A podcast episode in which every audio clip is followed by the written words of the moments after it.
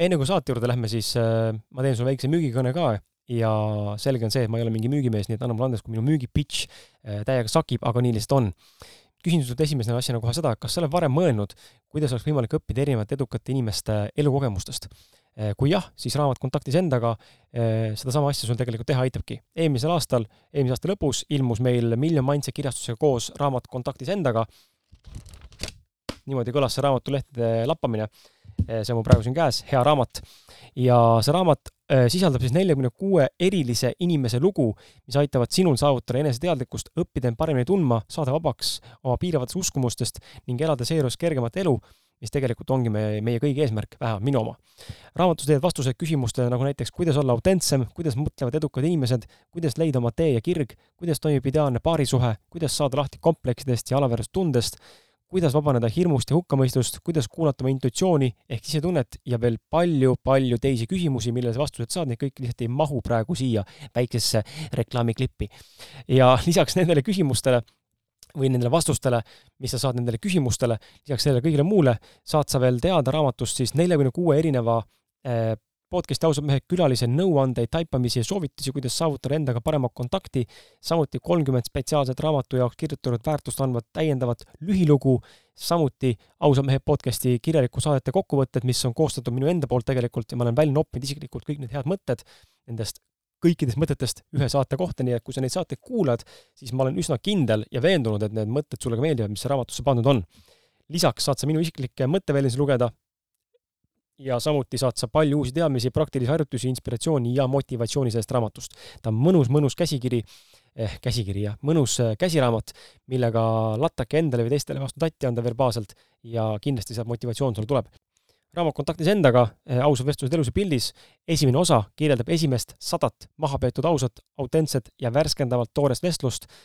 kui sa soovid seda raamatut endale saada, siis ole ja mine külasta kriskala.com või miljon.ee lehekülge, minnes nende e-poodi ning endale see raamat sealt ka saad siis endale tellida.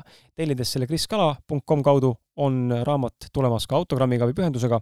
raamatu hinnaks on seitseteist, seitseteist üheksakümmend viis eurot ja sellega on äh, meie reklaam läbi. aitäh sulle ja ilusat kuulamist!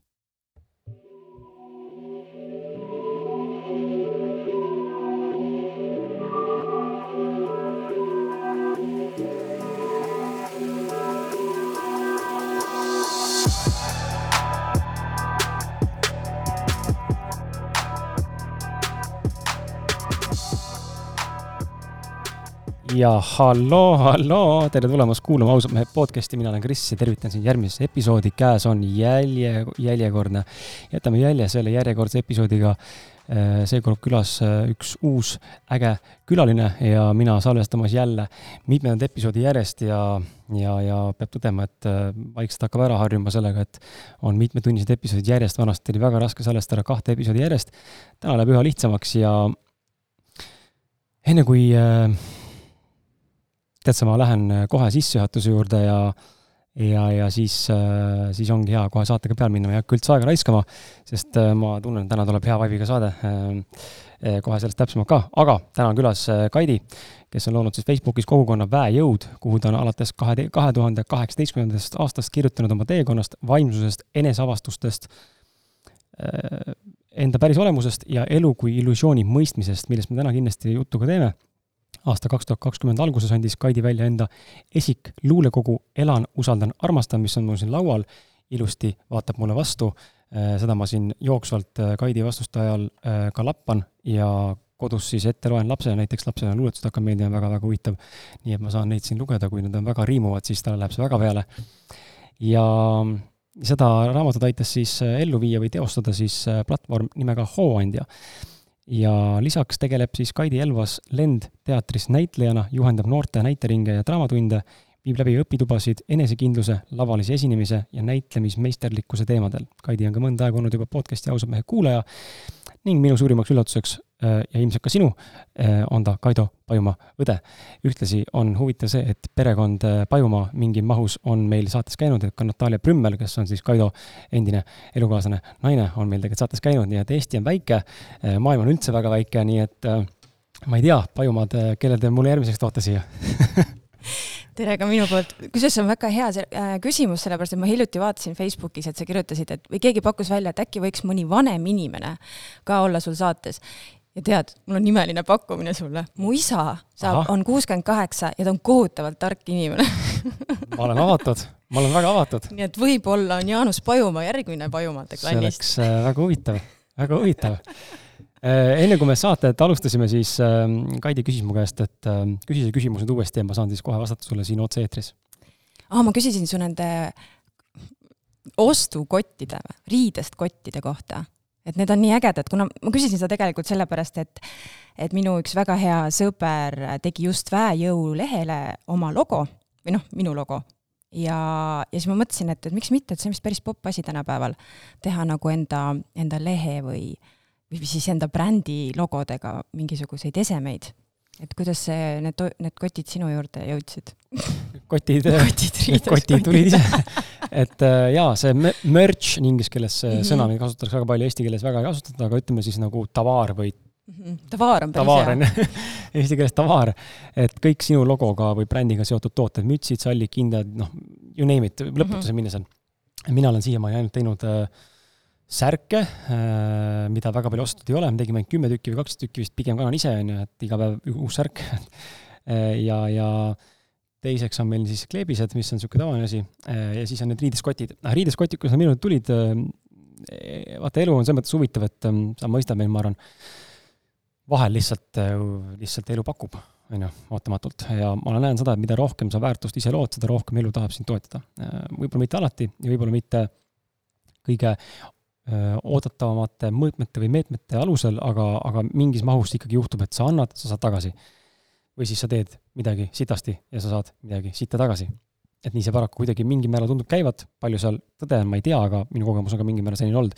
riideskotid tulid siis minu juurde läbi riideskotid.ee keskkonna, milleks on siis, omanik on Andres äh, Männimets äh,, tema on äh, selle omanik ja ta lihtsalt helistas mulle ühel päeval, et või noh, kirjutas alguses, küsis numbrit ja siis ütles, kas võin helistada. helistas mulle ja siis ütles, et tšau, Kris, et kuule, teed vägevat asja mm. -hmm. Saaraku teeme hunniku kotte lihtsalt, tasuta see on, see on, see on, vot need hetked on elus nagu nii kaifid, et lähed eelmisel õhtul magama, mõtled, mille jaoks ma seda mm. teen, et oh,, issand jumal. ja siis ärkad hommikul ülesse, see on veel võib-olla natuke see emotsioon veel käib kuskil taustal, et noh, kõik on lihtsalt nii mõttetu, ma võib-olla, võib-olla mul on üldsegi ajukasvaja, eks ju, et ma üldse mõtlen, et, et kõik see, mis ma teen, on täiesti absurdne. ja siis tuleb sul selline kõne või kiri, kus sa saad nagu täiega sellise power boost'i. Nii kaif. absoluutselt ja see ongi huvitav, et äh, kohati nagu tundub, et just nendel hetkedel, kui on madalseisud või, või sellised mm, hetked, kus sa päriselt siis, päriselt lööd käega, loobud mm, -hmm. aktsepteerid, äh, lepid, mis iganes sõna keegi tahab kasutada, just siis see elu muutub, et kui see lävepakk on nagu ületatud ja sa tunned, et nüüd enam ma enam ei viitsi, nüüd on kõik mm. -hmm. ja see otsus on päriselt sinu seest, mitte siis ratsionaalsest mõistusest, endale pähe, pähe müüduna või maha müüduna, siis midagi muutub, et äh, mul on viima-, eelmise, eelmine aasta oli, ma kirjutasin sellest pikalt enda Facebooki äh, Äh, viimases postituses ka, mille ma panin üles koos profiilipildiga, aga mille ma teksti äh, paar tundi hiljem kohe eemaldasin, nii et nüüd enam teksti pole, ainult pilt, sest et äh, nii, väga põnev. ma kirjutasin seal asjadest, noh, eelmise aasta õnnestumistest, mis ma teinud olen, mis täide läks ja ja, ja loetlesin nii-öelda väikseid võite üles sotsiaalmeedias ja siis kirjutasin natuke rohkem juurde ka, mida eelmine aasta õpetas mul kõige rohkem, milleni kohe jõuan, aga miks ma maha võtsin, on see, et ma nägin päevad hiljem või tunnid hiljem ka teisi inimesi, kes on minust ka ambitsioonikamad ja, ja edukamad, noh, kas või sinu enda vend, on ju, Kaido, või, või, või noh, Kaido ei kirjutanud, aga siis toon nagu näite, et inimene saaks aru, mida ma mõtlen edukuse all, on ju, keegi, kes läbi lööb mingis valdkonnas. Timo Porval näiteks või, või Sven Nuum või, või, või kes iganes veel kes mulle seal feed'i ette viskas, kes tegid samasuguseid postitusi, siis sa loed neid ja ma tundsin ennast jube sitasti, nagu täiega tundsin sitasti, ma ramastusin nende inimestega, kes võib-olla minu postitusi tunne, luge-, lugedes tunnevad ka ennast sitasti. Ehm, sest et see on loogiline, me ikka loeme teisi postitusi, vaatame teisi inimesi, kuulame nende lugusid ja aeg-ajalt see kas teeb meid õnnelikuks, inspireerib, motiveerib või vastupidi, tõmbab alla, on ju, sest et tekitab meis alaväärsuskomplekse mingeid muid asju. oo oh jaa, ma olen, ma olen, ma olen kordades kordi-kordi ära kustutanud äh, oma Facebooki ja Instagrami, sellepärast et see sotsiaalmeedia nii-öelda võlu või siis äh, otse öeldes valu ongi see, see tohutu võrdlemine, sest me mhm. postitame ju ainult oma positiivseid mõtteid, ainult see, kui meil on elus väga hea mm -hmm. ja see tekitabki sellise tunde, et no aga miks minul nii hästi ei ole mm, -hmm. miks minul niimoodi ei lähe? aga see on kõik lihtsalt müük. täpselt, see on tõesti kohutav. ja siis ma mõistsingi, et äh, mind see ärritas ja, ja sain aru, et aga miks ma nagu pean avalikult jagama seda, mida ma võitsin, mis vahet seal ma tegin eelmine aasta. tegin ma kümme või kakskümmend asja, mis vahet seal on mm. -hmm. mina ei tea, mis ma tegin. võtsin selle maha ja, ja siis äh, tegelikult see postitus algselt oli kirjas ka see, kuidas eelmine aasta õpetas mulle ja näitas mulle, et äh, me ei pea küllust mõõtma alati rahas. on ju, et me oleme sellest, sellest on ilmselt varem mõeldud, aga mulle jõudis see kohale eelmine suvi, kui ma läksin Hiiumaale salvestama podcast'i noorte mingisse laagrisse koolivägivalla teemadel, kutsuti esinema, ja siis seal äh, poole Hiiumaa tripi ajal sõitsime kohale sinna kuskile Kõpu poolsaarele sinna taha lõppu, Hiiumaa täitsa äärde siis, ja siis mingi äh, kutt kirjutab mulle Facebooki, et tšau, kuule, et äh, olen teie pikaajaline kuulaja, et äge, et te olete Hiiumaal, nägin story't, vaata, et ma ei tea, te olete nii palju mulle ettevõtjana andnud, et tulge tasuta sööma mu restorani. Wow.. ma maksan kinni, teie kulul, võtke, mis tahate, mind ei ole, aga ütke teenid, ma panen kõik paika, et minge sööge lihtsalt. ja siis me, siis me mõistsime, et okei okay,, et küllus ei peagi olema ainult rahas. Yeah., et saab ka olla midagi muud. Õhtus tasuta õhtusöök, tasuta kontserdid, tasuta piletid, tasuta mingid kingitused, raamatud, asjad, onju. et noh, nagu täna sa tõid mulle, onju, mina toon sulle, et samamoodi see on küllus, onju, et äh, vastupidi, oleks võinud tuua siia kümneka lauale või kahekümneka lauale ja mm -hmm. ka vahetust teha, onju. aga mhm. see on palju teistsuguse väärtusega, kui see lihtsalt raha anda yeah.. ja, ja siis ma mõistsingi, et eelmine aasta, et äh, see riideskotid ja, ja mingi muud sündmused ja kaasa arvatud see helitehnika, mis siin on, see tuli jõuluks mu sõprade poolt samamoodi, tegelikult plaanis endale osta täna, aga mitte täna, aga see aasta. Ja, ja see lihtsalt kingiti mulle sõprade poolt lihtsalt üllatuseks et äh, alati ei olegi raha vaja, et midagi ära teha. see küll ei vasta nüüd sada protsenti nagu iga asjaga äh, kooskõlla, aga selles mõttes suures mahus mingite väiksemate asjade puhul ei pea alati teadma, kust see tuleb ja me peame õppima nägema seda, et küllus ei ole alati rahas. jaa, ja kusjuures, kui me kui ma ennem nagu võib-olla sattusin seda sotsiaalmeediat kiruma, eks ju, ja noh, võib-olla üldiselt ta äh, võib-olla ta väga suures osas ikkagi mõjutab meid emotsionaalselt ja just, just selles poole, sellel poolel, eks ju, et, et kuidas, kuidas me iseennast tunneme, kui me kipume ennast võrdlema, siis teisalt see sotsiaalmeedia võlu on just nimelt see, mis mul seal Hiiumaal see kogemus oli. kui ei oleks seda Instagrami story't olnud, siis neil ei oleks õrna aimugi olnud, et sa oled seal mm. -mm ja, ja tekivad ju uued kontaktid ja uued projektid ja, ja kuidagi nagu elu kannab sind nagu nii huvitavalt, et selles suhtes on see sotsiaalmeedia jälle äge. aga mis ma tahtsin nende riideskottide kohta veel öelda, et kuna mul äh, tekkis, või tähendab, tegelikult mul üks tuttav ütles, äh, noh okei okay, väga, noh okei okay,, selles suhtes, äh, ütles mulle, et, et kas ma ei tahaks hakata ka nii-öelda seda oma merch'i siis tegema mm ja mina mõtlesin, issand, ma ei tea, et kõik ju teevad ja ma ei oska ja mul ei ole logo ja kõiki neid asju ja siis ta ütles, et aga et noh, et räägi mulle, et mida see väejõud sinu jaoks tähendab. ja, ja ma teen sulle logo, sest ta on ise hästi-hästi andekas kunstnik. Ja, ja siis äh,, mul on nagu hästi palju neid luulekogusid ka, ma tegelikult mingi aeg müüsin neid Rahvaraamatus, aga kuna minu nimi ei ütle vaata mitte midagi, siis ega neid väga nagu ei osteta, et äh, Kristiina Ehin on ikka number üks selliste äh, ägedate luuletuste koha pealt, eks ju. ja nüüd ma võrdlesin ennast, eks ju. varsti oled sina mm. -hmm, noh, istume seal kahekesi Rahvaraamatus. ja, ja siis, ja siis ma lasin ikkagi selle mõtte nagu nii-öelda sellel voolata, et okei okay,, et kui see praegusel hetkel nagu tuli minu noh, teadvusesse, eks ju, et okei okay,, selline logo tuleb, merch tuleb, eks ju ja hakkasin mõtlema neid lauseid, mis seal siis peal peaks olema. ja olen lasknud sellel settida paar nädalat ja nüüd see on nii naljakas. eile, noh, minu jaoks vähemalt, eile viskasin siis Insta story'sse nagu, tegin mingisuguse kujunduse valmis, eks ju, et äh, iseenda on oma väes. See on nagu üks lause, mis minuni jõudis mingi paar nädalat tagasi. et see on, see on täpselt see, mida mina praegusel hetkel nagu kogen ja mida ma teen ja mille, kustkohast ma neid artikleid nagu kirjutan enda sinna väejõulehele. ja panin Insta story'sse, et, et noh, mis te arvate, kas keegi tahaks näiteks sellise logoga tellida endale äh, riidest kotti või äkki särki või mingit võtmehoidjat või noh, midagi veel, mida veel ei ole? üks vana tuttav, kes vastas mulle lihtsalt ei. Nagu mitte midagi muud, mitte ühtegi emotikooni, mitte midagi ja mitte keegi rohkem ei vastanud ka, et kas tahaks või ei tahaks.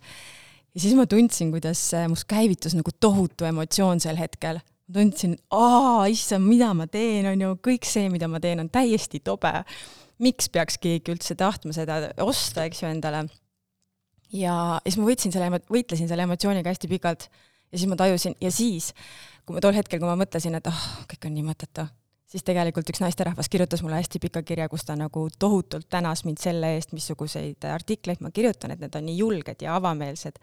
et see ongi jah, see kuidagi see elu plusspool ja see elu miinuspool, et et kuhu sa lased ennast kanda, on ju, mida sa nagu valid kogeda et võib-olla see, võib-olla see tuttav oli väga halvas kohas endaga, eks ju, mõtleski, et ah oh,, mingi järjekordne vaimleja on ju, tahab siin raha teenida mis on äh, jälle natuke niisugune ühiskondlik müüt, et kui sa oled vaimses sektoris tegutsev inimene, siis ei tohi justkui nagu raha teenida, et sa pead, peadki olema elupõline ja teiste teenija ja ise surema mm -hmm. ära ja näppu imema, onju. Mhm. hästi huvitav on see jah. Äh, jaa, sotsiaalmeedia on kahe teraga mõõk. Ähm, mina isiklikult tunnen täna ka, et kui ma selles lihtsalt tegutsen ja postitan ja olen äh, nii-öelda siis nagu, kui mina lihtsalt olen aktiivne seal, postitan, aga ei, ei, ei engage'i ehk siis ei tegele ei otseselt Messengeris või mingite, ma ei tea, teiste story'de vaatamisega, siis see on okei okay. mulle mõjub see halvasti, pigem ma hakkan ennast võrdlema teistega ja mul tekib väga palju äh, pigem nagu negatiivset tunnet sellega ja ma näen, et see ei ole see, mida ma peaksin tegema, aga lihtsalt töö mõttes seal korra sisse logida, midagi teha, see on fine mm. -hmm. aga sinna jääda nagu no, big, big no, kohe ei. sealt tuleks ära joosta minu puhul vähemalt, et äh, võib-olla tuleb endaga tööd teha, et see asi nagu lihtsam oleks. aga lähme saate juurde või noh, me juba oleme saate juures kolmteist minti juba vestelnud siin. Ähm. aa, okei okay,, ma ütlen ühe asja sissejuhatuseks veel ära. mulle kohutavalt meeldis su intro. laul? jah. väga tore. ise tegid selle või? ei, ossin, ostsin aga on keskkondi, kus saab nagu võtta neid äh, laule nii-öelda. aa, seal oli nii lahe beat, see pani kohe nagu mm.. see on siuke sügav, siuke tume, sünge. sünge? natuke sünge minu meelest okay.. ei olnud, minu meelest oli natuke, ei, mulle väga meeldis aga väga hea, ma tänan sind, siis ma tean, sa saad lõpus veel kuulda seda, läheb uuesti peale. panen telefoni helinaks. jah. aga räägi enda lugu siis meile, et äh, ma ei tea, hakka kuskilt peale ja, ja, ja jah, peab arvestama sellega, et äh, me salvestame, me salvestame ikkagi Pro-Geari ruumides, mitte et Pro-Geari midagi viga oleks, aga äh, peab arvestama sellega, et siin on ümberringi äh, nii pesulad kui ka vahepeal kliendid, kes siin poodi tulevad, muusikat võib-olla kuulavad, tahavad midagi osta, nii et peab lihtsalt arvestama, et vahepeal viskab sisse võib-olla midagi, mis ei kuulu saate juurde, aga, aga nii lihtsalt meiega on. aga sinu loo juurde, et äh, hakka kuskilt peale äh, ja, ja nii nagu tunned äh,, jõua kuidagi tänasesse päeva niimoodi hüplikult ja siis hakkame edasi sealt rullima mm. -hmm. tead, kui sa mulle saatsid natuke neid küsimusi või teemasid ülevaatamiseks, siis äh, ma hästi pikalt nagu tegelikult mõttes, mõtisklesin iga küsimuse juures, et, et ma ei tuleks nagu päris ette valmistamata ja samas mulle nagu meeldis äh, see üks saade, kus sa Ants Rootslasega tegid, kus tema ütles, et tema ei valmista üldse mitte midagi ette. ja siis ma mõtlesin, et huvitav, kus mina täna olen. ja kuna sa ei lubanud vaata vastuseid pähe tuupida, siis ma noh, ei kirjutanud üles, ei printinud välja, ehk siis alustan kuskilt. ma väga algusest ei hakka pihta, sest see ei ole väga huvitav. aga kui keegi küsib mu käest, et kust see kõik alguse sai, mida ma, mida ma täna teen, siis ma ütleks, et äh, et mul on nagu, mul on nagu kaks elu et üks elu oli see, mida ma veetsin kuni kolmekümnenda eluaastani ja, ja teine elu on siis äh, see, mis, mis algas kolmekümnendal eluaastal. ehk siis, kui ma olin kolmkümmend, siis ma olin äh, äsja kevadel abiellunud, ma ootasin oma teist last. Äh, ma olen sündinud augustis ja mul teine laps sündis septembris. ja kui see laps oli ära sündinud ja paar kuud oli möödas, siis, siis, siis mul tekkis noh, täielik kriis. mõtlesin, et mida nüüd edasi et, et noh, kõik asjad, mis ma olin senini mõelnud, kõik olid olemas, mul oli, mul oli uhke ilus maja, eks ju, Lõuna-Eesti ühes väga ilusas aedlinnas. mul oli armastav abikaasa, mul oli kaks last ja, ja ma ei olnud õnnelik, ma ei olnud absoluutselt õnnelik, ma, ma isegi ei teadnud, mis mul nagu viga oli. ja, ja see tekitas minus nagu tohutut paanikat, et ma ei teadnud, kuhu edasi, et ma mõtlesin, mismoodi nüüd, et okei okay,, et ma olen selle lapsega nüüd siin kaks-kolm aastat kodus, läheb tema ka lasteaeda ja siis ma lähen siis sinna tööle tagasi, kus ma siis koju jäin või, või lähen siis teen midagi muud või ja siis niimoodi edasi nelikümmend, viiskümmend aastat. noh, okei okay,, tööd ilmselt ei tee viiskümmend aastat, on ju, aga ja, ja see tekitas minust tohutu, tohutu ängi ja trotsi ja, ja ma vajusin nagu nii-nii pimedasse kohta. ja, ja siis ma kuidagi, ma aktsepteerisin nagu seda või kuidagi nagu minuni jõudis see mõte, et et see, mis mind siia tõi, ei saa mind viia edasi, ehk siis midagi peab muutuma, aga ma ei teadnud, mis see on ja tol hetkel ma, ma nagu alistusin, sest ma ise ei osanud ennast aidata. et see alistuma on tegelikult selline niisugune nagu halb sõna, et kuna ma kirjutan hästi palju, siis ma, siis ma tajun nagu sõnadel sellist nagu energeetilist tausta. ja alistuma minu jaoks hästi vägivaldse energiaga. noh, me kõik teame, on ju, ta alistus, kõik need sõjad ja asjad. aga tegelikult on see kõik enam väljendab nagu seda hetkel, kus sa nagu lased lihtsalt käed endale kõrvale rippu ja ütled, okei okay,, mina ei tea, mida edasi, ütle siis sina või, või nagu äh, piiblis on ka ju öeldud, et et sündigu sinu tahtmine, aga kuna ma ei ole üldse religioosne inimene, siis ma noh, ei meeldi tegelikult ka nii-öelda piiblit tsiteerida, eks ju. ja, ja ma kuidagi, jah, ja see oligi, see oli aasta kaks tuhat seitseteist ja selle aasta lõpus toimus minuga üks täielik anomaalia, hästi müstiline juhtum, mida ma siinkohal praegusel hetkel lahkama ei hakka, aga mis, mis tõi mind nagu hästi sellesse ruumi, kus ma praegusel ole, hetkel olen, mõistes seda, et peale selle füüsilise maailma on veel midagi olemas. ja tegelikult tänu oma isale, kes viis minuga läbi nii-öelda juhendatud meditatsiooni, sain ma nagu teadlikuks kõigest sellest, mis peab tulema edasi. ja ühel hetkel noh, kui ma nii-öelda nagu püü-, püüaksin oma juttu kuidagi illustreerida, siis ma ütlen, et elu koputas mulle ukse peale ja ütles, et nii, Kaidi, et tere tulemast, millega sa tahaksid tegeleda? Ma ei tea, ma ei tea, ma ei oska ju mitte midagi, et et, et see, mida ma tahtsin õppima minna, sinna ma sisse ei saanud, sinna, kuhu ma läksin õppima, see mulle tegelikult ei meeldi, et noh, ma ei oskagi mitte midagi, ma ei ole kunagi mitte midagi osanud, kõik teavad, mida nad tahavad teha ja kes nad on ja ma ei, ma ei tea isegi, mis mulle meeldib või mis mulle ei meeldi. ja siis jumal ütleb, et aga olgu, aga mis sa loomisest arvad? Mm,? või ma ei tea, mulle, mulle väga meeldivad loomingulised inimesed, aga mina küll luua ise ei oska ja siis ta ütles, et aga okei okay,, proovime. ja sel hetkel, kui ma mõtlesin, et issand, kui põnev mõte oleks see, kui mina ise oleks järsku looja, siis kuidagi nagu midagi tohutult toimus. ja nii hakkasid tulema, tulid luuletused minu juurde, tuli teater minu juurde, tulid kõik need kirjutamised minu juurde, igasugused projektid ja inimesed, mis olid kuidagigi pidi seotud loominguga, lihtsalt nagu jõudsid minuni ja ma lihtsalt oskasin, mis oli nagu kõige kummalisem, ma lihtsalt istusin maha ja hakkasin selle projektiga pihta, mis iganes projekt see oli, ja ma järsku lihtsalt oskasin, päevagi õppimata mitte midagi, ei näitlemist, ei kirjutamist, ei luuletamist, mitte midagi. ja nüüd ma siis olen kolm aastat sellega tegelenud, lahutatud, elan üksi ja ma võin öelda, et ma olen õnnelikum, kui ma olin kolm aastat tagasi ehm, küsimus tekib kindlasti kuulajatele, minul ka, et õnnelikum kui kolm aastat tagasi, see nüüd ei tähenda seda, et partner oleks teinud sind õnnetuks, vaid sa oled õnnelikum iseendaga sellisena, nagu sa täna oled. jah, sest äh, kolm aastat tagasi mul ei olnud õrna aimugi, kes ma olen. selles ongi nagu tegelikult kogu probleem. et äh, see on ka see, mida ma räägin äh, oma noortele nii põhikooliastmes kui siis ka nagu gümnaasiumiastmes.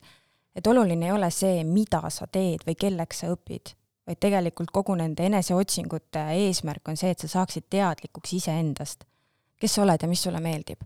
mulle meeldib öelda, et selleks, et olla äh, armastav ja õiglane metsahaldjas, pead sa tundma oma metsa.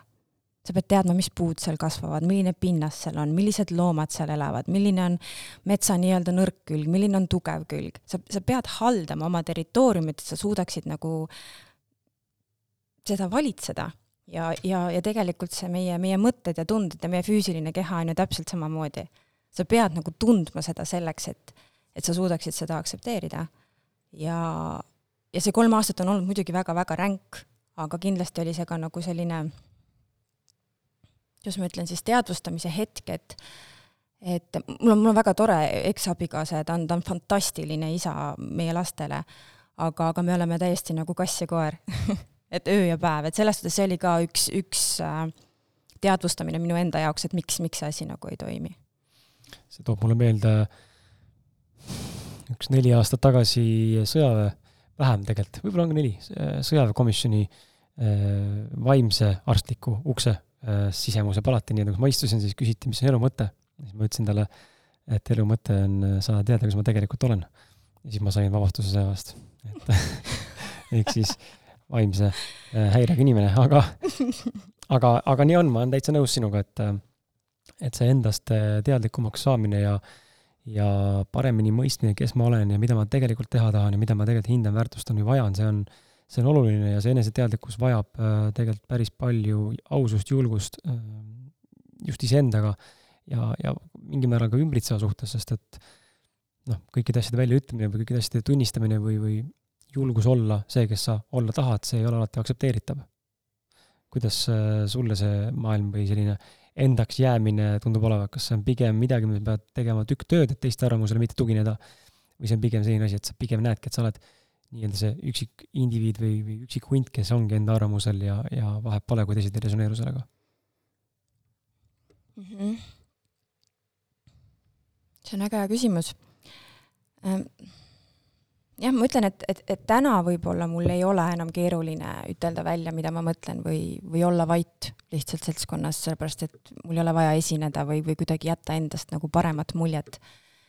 aga see jõudmine sellesse punkti, kus ma iseennast aktsepteerin kõikide enda omadustega, on ikkagi võtnud väga suur, väga palju aega ja, ja, ja noh, kõik need kolm aastat tegelikult ja väga palju nagu valu, sest et täna ma tunnen, et et võib-olla need inimesed, kes on minu elust tänaseks lahkunud, mitte nagu siit füüsilisest maailmast, vaid lihtsalt kellega ma enam ei suhtle, nad said äh, väga haiget, sest see, kellena mina äh, näisin, ütleme siis kuskil kaheksa-üheksa aastat tagasi, kui ma oma eksabikaasaga tuttavaks sain äh,, oli hoopis midagi muud, kes ma tegelikult olen aga ma ei saa iseennast nagu süüdistada selles, sellepärast et ma ise ka ei teadnud ju tol hetkel, kes ma olen, ma, ma püüdsin leida oma kohta siin maailmas, järgides oma vanemat õde ja venda, järgides oma vanemaid, kõik see ühiskonna poolt, milline naine peab olema.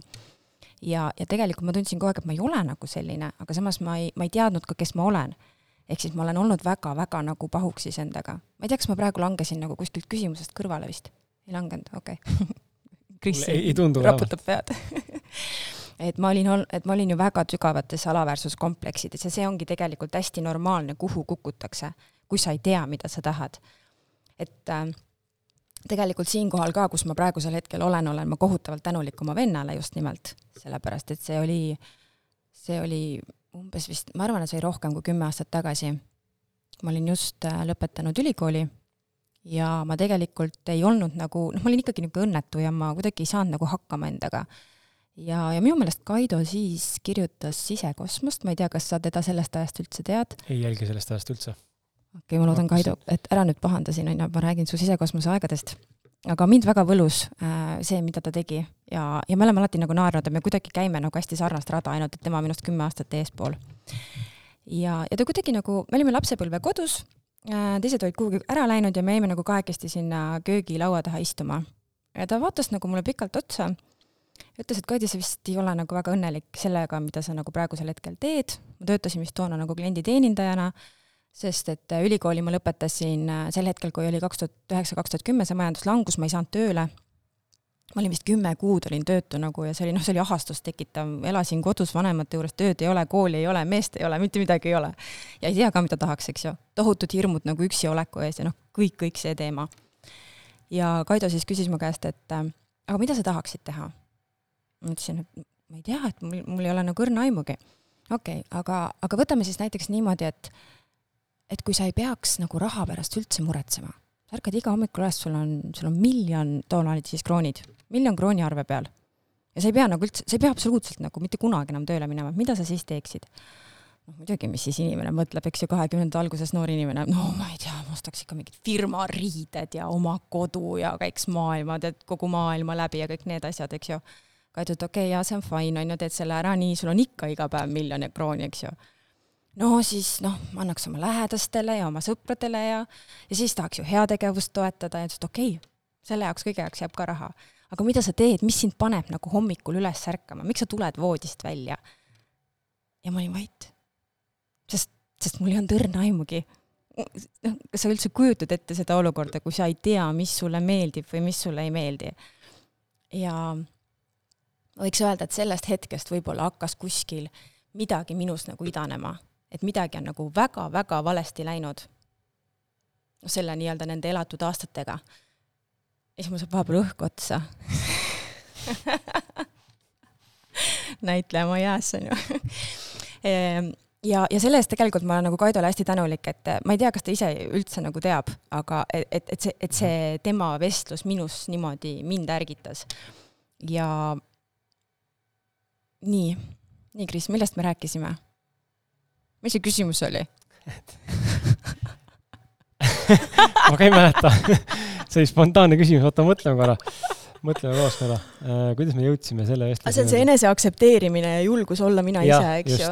ja, ja et, et ongi, et, et, et kuna ma, kuna, kuna ma ei teadnud, kes ma olen mm, -hmm ja, ja ma nägin, et, et ma ei saa enam selle eluga hakkama. ma justkui olin nagu kogu aeg unistanud sellest, et ma tahan olla perenaine, ma tahan olla kellegi naine, ma tahan olla ema.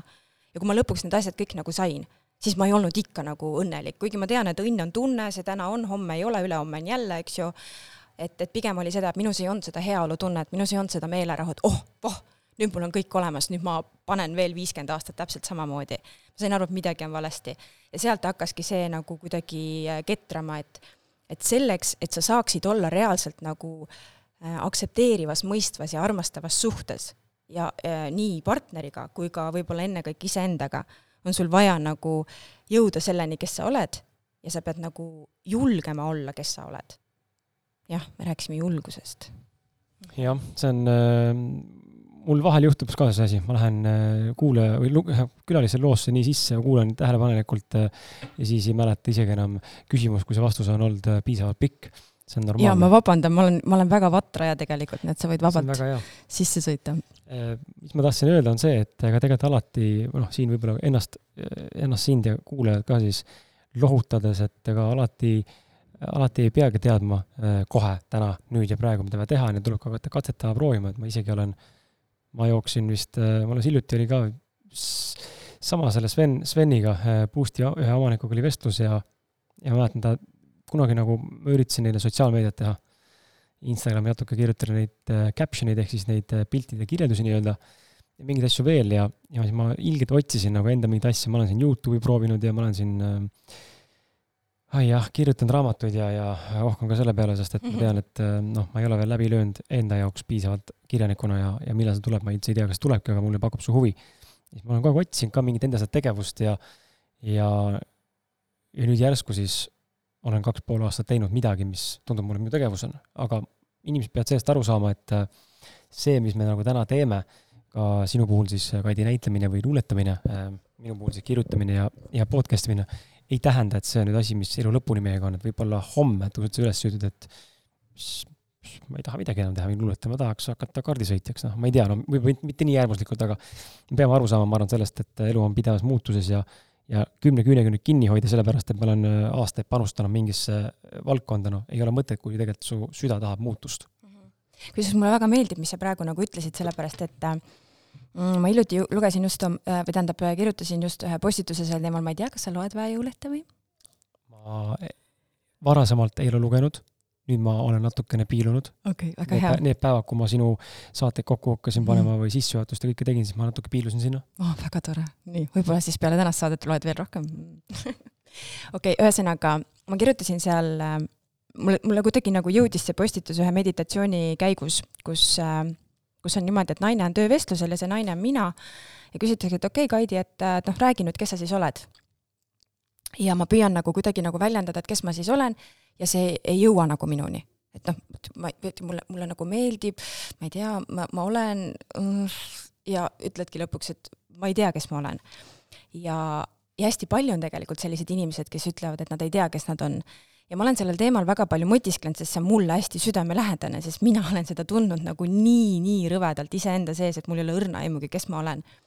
ja, ja ma olen nagu oma mõtistu-, mõtisklustega jõudnud nagu nii kaugele, et, et äh, me ei saagi nagu teada keskkooli lõpus, kui me oleme kaheksateistaastased, et kes me oleme või mida me tahame.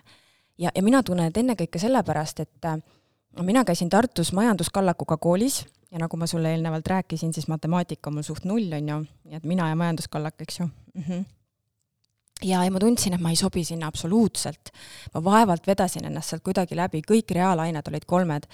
ja, ja kuidagi nagu teistes tundides ka, et ei võinud nagu väga oma arvamust avaldada ja kuidagi kümme aastat, eks ju, kui sa lähed kooli, kümme aastat käid sa seal koolis ja sulle kogu aeg õpetatakse nagu istuma, astuma, rääkima, mõtlema, tegema täpselt siis, kui õpetaja seda ette näeb ja, ja kuidagi nagu vormitakse hästi ühesuguseks massiks, vähemalt äh, oli niimoodi, millal ma lõpetasin, kaks tuhat kuus lõpetasin keskkooli, eks ju, noh, tollel ajal siis, eks ju. ja, ja siis on niimoodi, et, et kaheksateistaastaselt siis küsitakse, et noh, Kaiti, kelleks sa siis nüüd saada tahad? Mis sa lähed õppima? ma ei tea, et sina oled mulle kümme aastat öelnud, mida või kuidas või kunas ma mõelda võin, et äh, äkki sa siis nagu ütled mulle, mida ma siis nüüd lähen õppima, on ju. ja mina terve oma elu olen kogu aeg tundnud seda, et ma tahan ennast tituleerida oma ameti kaudu. aga kuna ma eelnevalt ütlesin, et see, mida ma tahtsin õppida, ma ei saanud sisse, siis ma lõpuks läksin Maaülikooli, mul on loodusteaduste bakalaureus ja ega see tegelikult väga nagu minulik ei ole. ja äh, paar pilti ka vahepeal, kui sa räägid. ahah, okei okay. ja, ja, ja siis ma, siis ma katsetasin nagu igasuguseid erinevaid valdkondi, et ma olen olnud äh, kohvikus äh, barista ja ma olen olnud klienditeenindaja ja ma olen olnud äh, äh, reisikonsultant ja kusjuures ma olen isegi poliitikas viis aastat töötanud. ma olen erineva kahe äh, erakonna nii-öelda arendusjuht olnud ja ma olen kogu aeg tahtnud nagu, et okei okay,, nüüd ma siis olen keegi, nüüd ma siis olen keegi.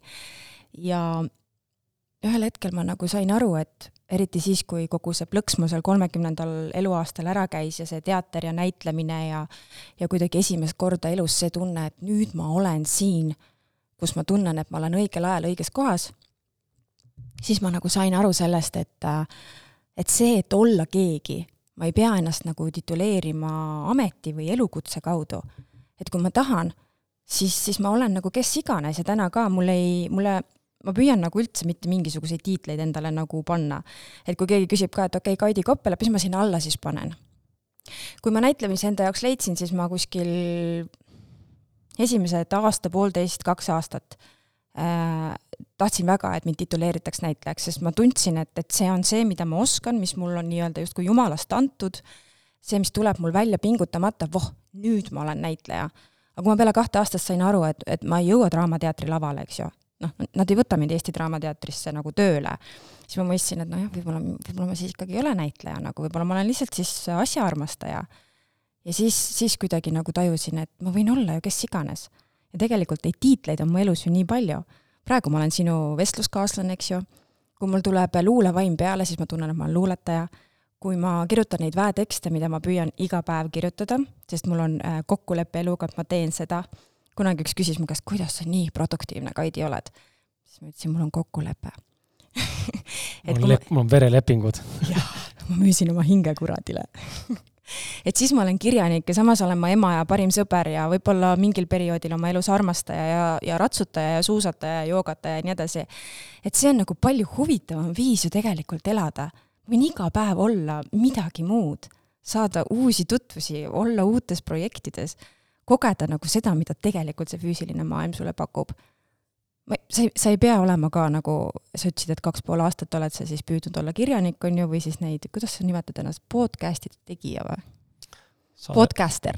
Pod-, podcaster on jah, no raamat, kirjutamisega tegelikult üle kümne aasta tegelenud, aga ka ei suuda, ei taha ennast tituleerida mitte kuidagi siltidega, see kuidagi kõlab naljakalt. see kuidagi vabastab sind ju tegelikult sellest ahelast, kui sa ei, nagu ei nimeta ennast, et ma olen nüüd podcaster või ma olen nüüd kirjanik, kes on, kes võib-olla ei ole veel edu saavutanud, vaid sa kirjutad sellepärast, et sulle meeldib kirjutada. aga huvitav ongi minu arust see, Kaidoga rääkisime sellest vist webinaris ja, ja live podcast'il ka eelmisel, üle-eelmisel aastal, eelmisel aastal, üle, üle, kaks tuhat üheksateist aastal, ähm, et äh, kui sa need tiitlid ära kaotad mm, -hmm siis ei oskagi ennast kuidagi kirjeldada nagu lühidalt, sa hakkad nagu, sa hakkadki, hakkadki mingit sogast hämast juttu ajama, iseloomustama ennast Äh, või sa oled suutnud teha seda kuidagi lühidalt siin raamatus või? ma olen, oota, ma vaatan, kas mul siin tagataustal on. jaa, mulle meeldib öelda niimoodi, ma olen naine, kes käib eluga käsikäes, oma südant kuulates enda hinge teekonnal.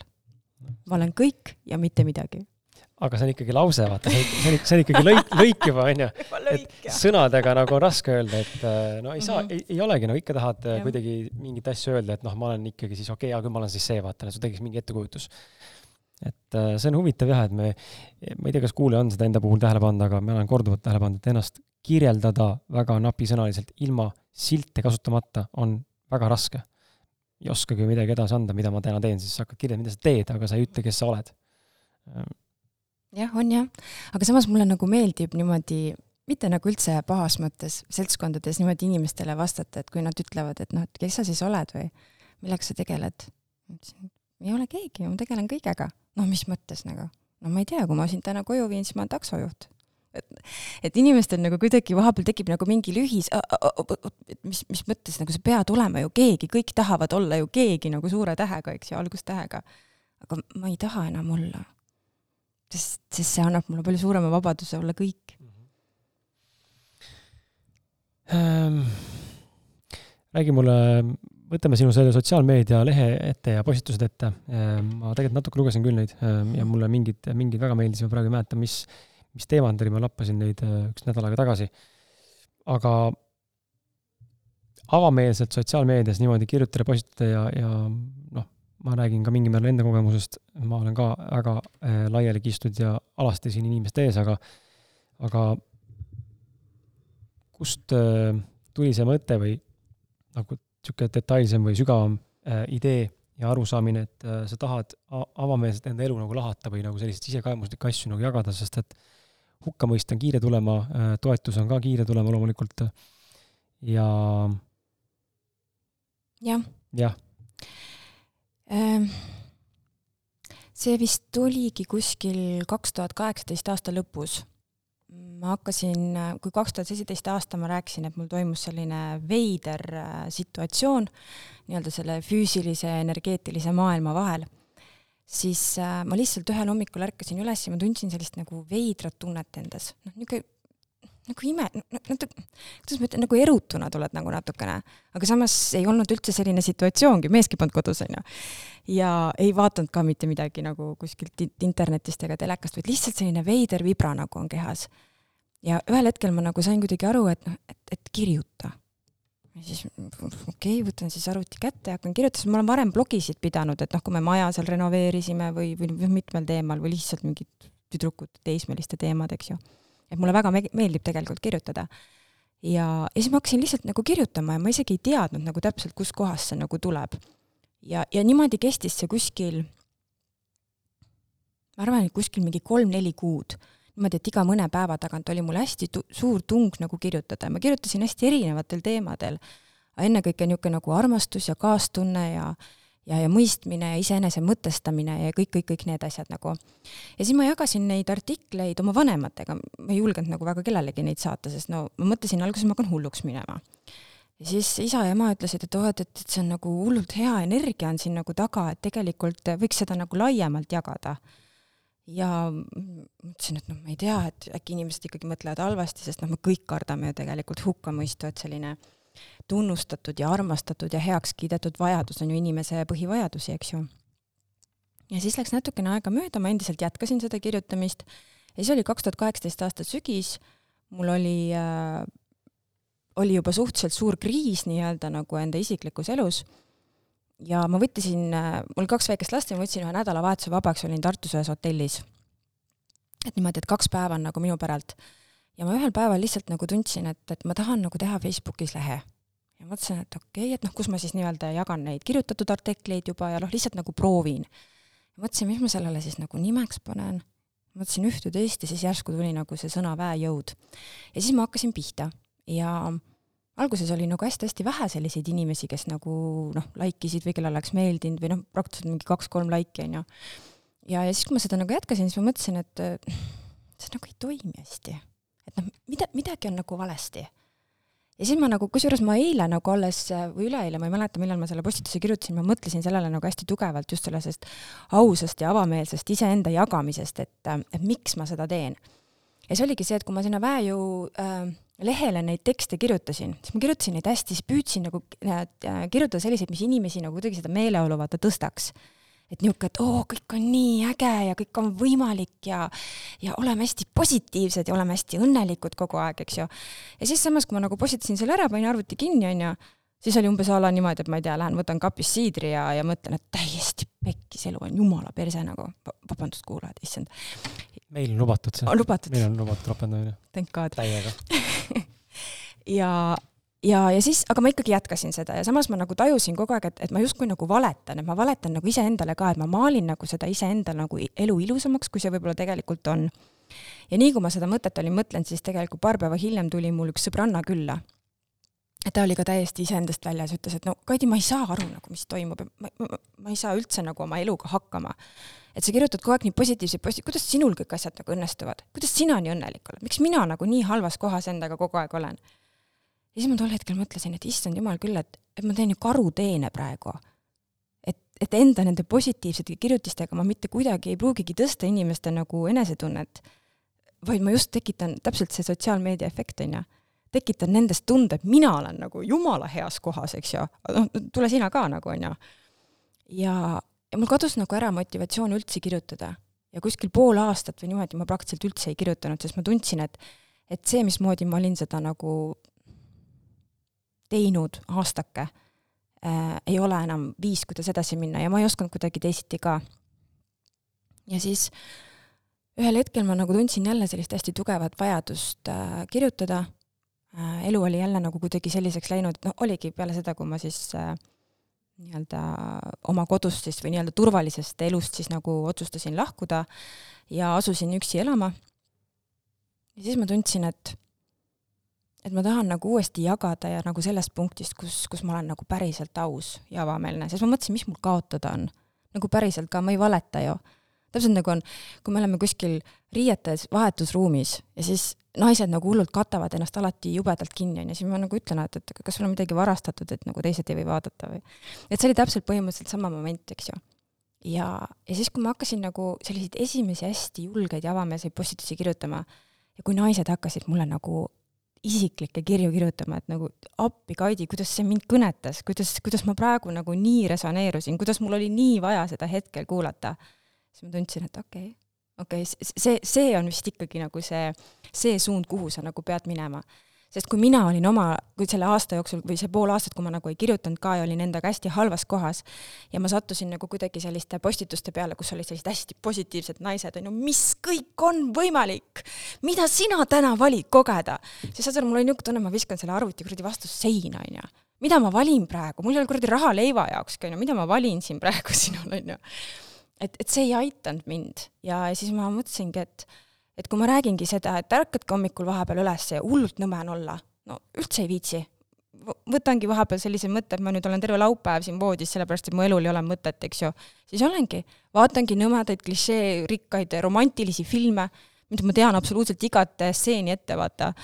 aga nad annavad mulle nagu hea tunde vahepeal vaatan mingisuguseid, ma ei tea, Hispaania seebikaid, on ju, sest nad tekitavad hea tunde. ja siis siis ma kuidagi mõtlesingi, et noh, vahet ei ole, olen siis niisugune julge ja aus ja avameelne ja siiras ja vahepeal saan peksa ka nagu. aga see nagu õpetab, see kasvatab nendel hetkedel kohutavalt. nagu naljakas.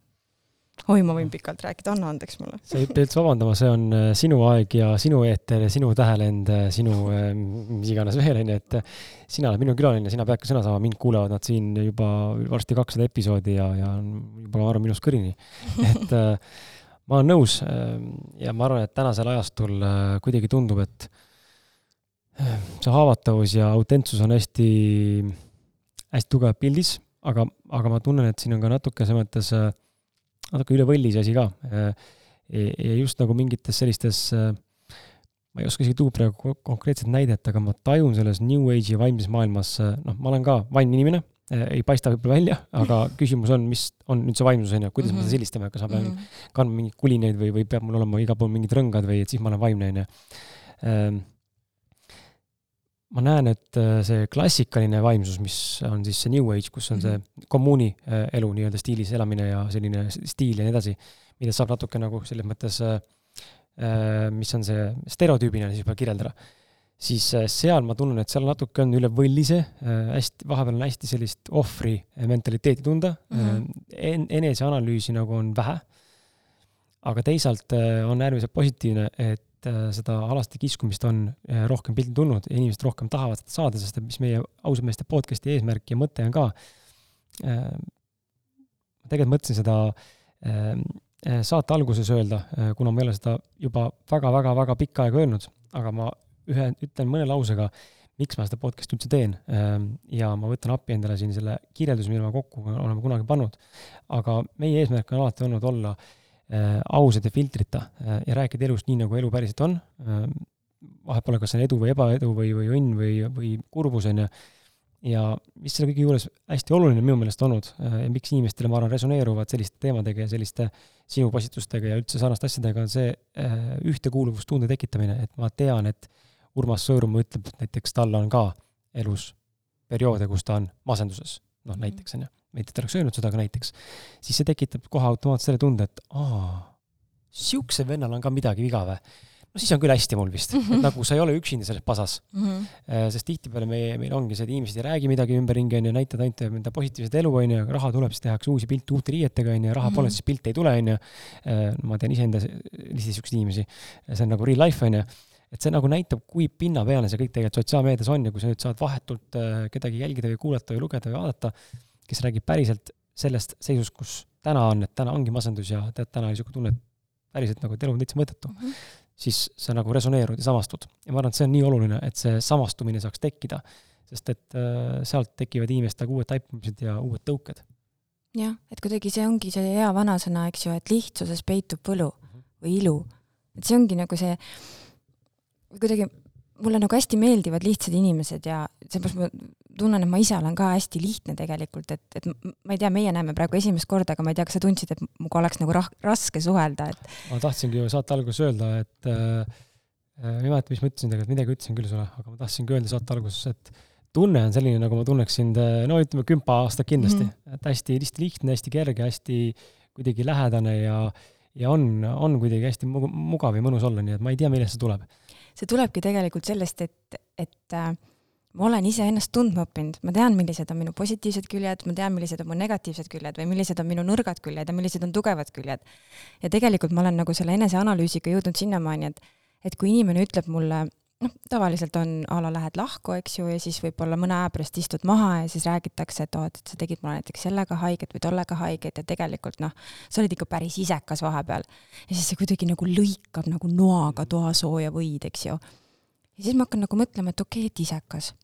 et, et noh, okei okay,, aga palun too mulle siis näide, et missugustes olukordades ma siis nagu olen isekas.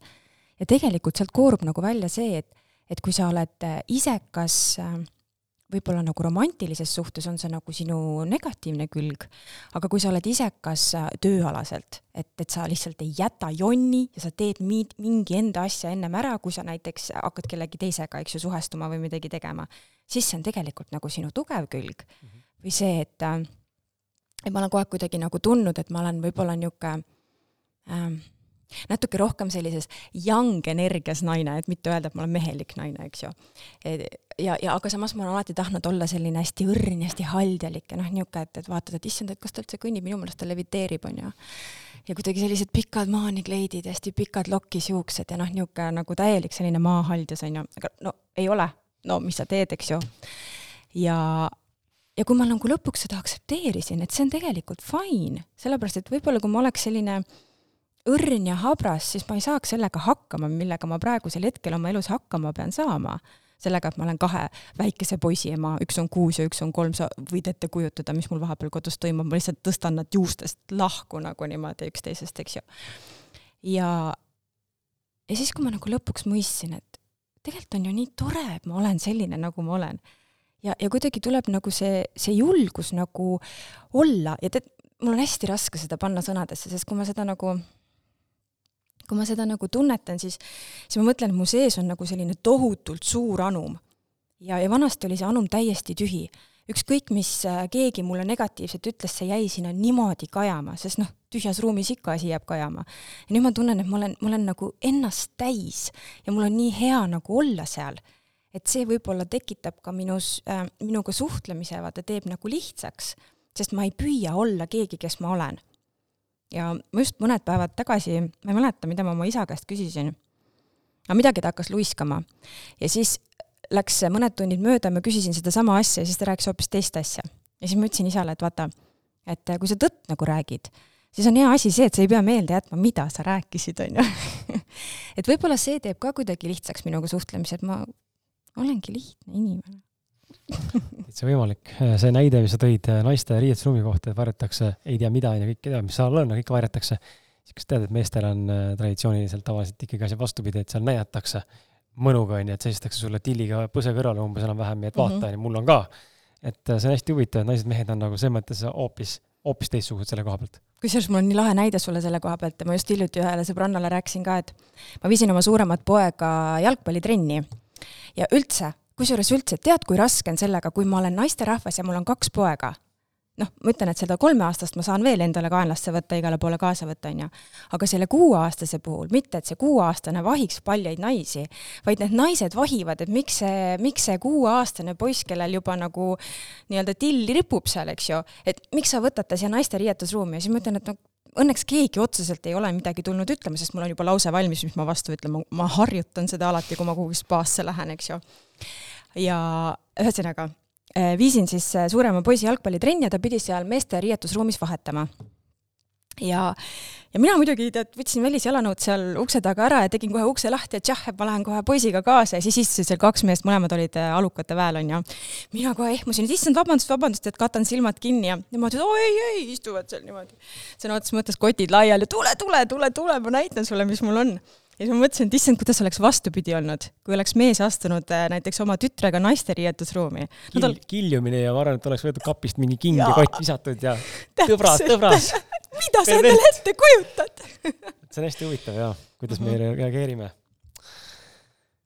tuleme selle alaväärsuskomplekside juurde. Äh, see on minus endas täna endiselt veel olemas mingites, mingis mahus, mingites äh, punktides ja, ja minu, minu kuulaja, meie kuulajad kindlasti ka oma elus mingis aspektis seda tundnud on või täna veel tunnevad.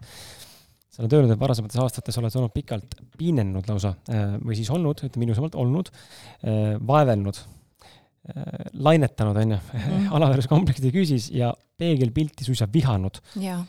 kuidas on lood täna ja ja, ja mis aitas sinul muutust enesearmastuseni läbi viia, mida see üldse, enesearmastus sinu jaoks tegelikult tähendab? Jaa, ma olen olnud jah, väga pikalt ja tegelikult ma võiks öelda, et äh, et ma sain sellest ilmselt lahti alles äh, praktiliselt aasta aega tagasi. et ja, ja see sai minus alguse varajases teismeeas. ehk siis mul süvenes, kasvas ja see veetis minuga ikka kuskil circa äh, kakskümmend aastat. ma päris täpselt isegi ei mäleta, kuskohast see algas, see algas ilmselt ühe lähedase inimese lausest ja kuna naised või noh, tüdrukud, sellised kaheteist, kolmeteist, neljateistaastased on väga õrnas eas ja mina nagu eriti veel, sest noh, kõik see, mis ma eelnevalt rääkisin, et ma ei teadnud, mis mulle meeldib ja noh, see hakkab ju mingil hetkel pihta, eks ju. siis kuidagi tema ütlemine äh, selles äh, tühjas, selles kausis, mis mu sees oli, jäi nagu hästi tugevalt kõlama. just see, et, et ma lugesin sellest välja, et ma olen paks kuigi ma ei ole nagu kunagi paks tegelikult nagu olnud nüüd ka, kui ma nagu oma lapsepõlvepilte vaatan.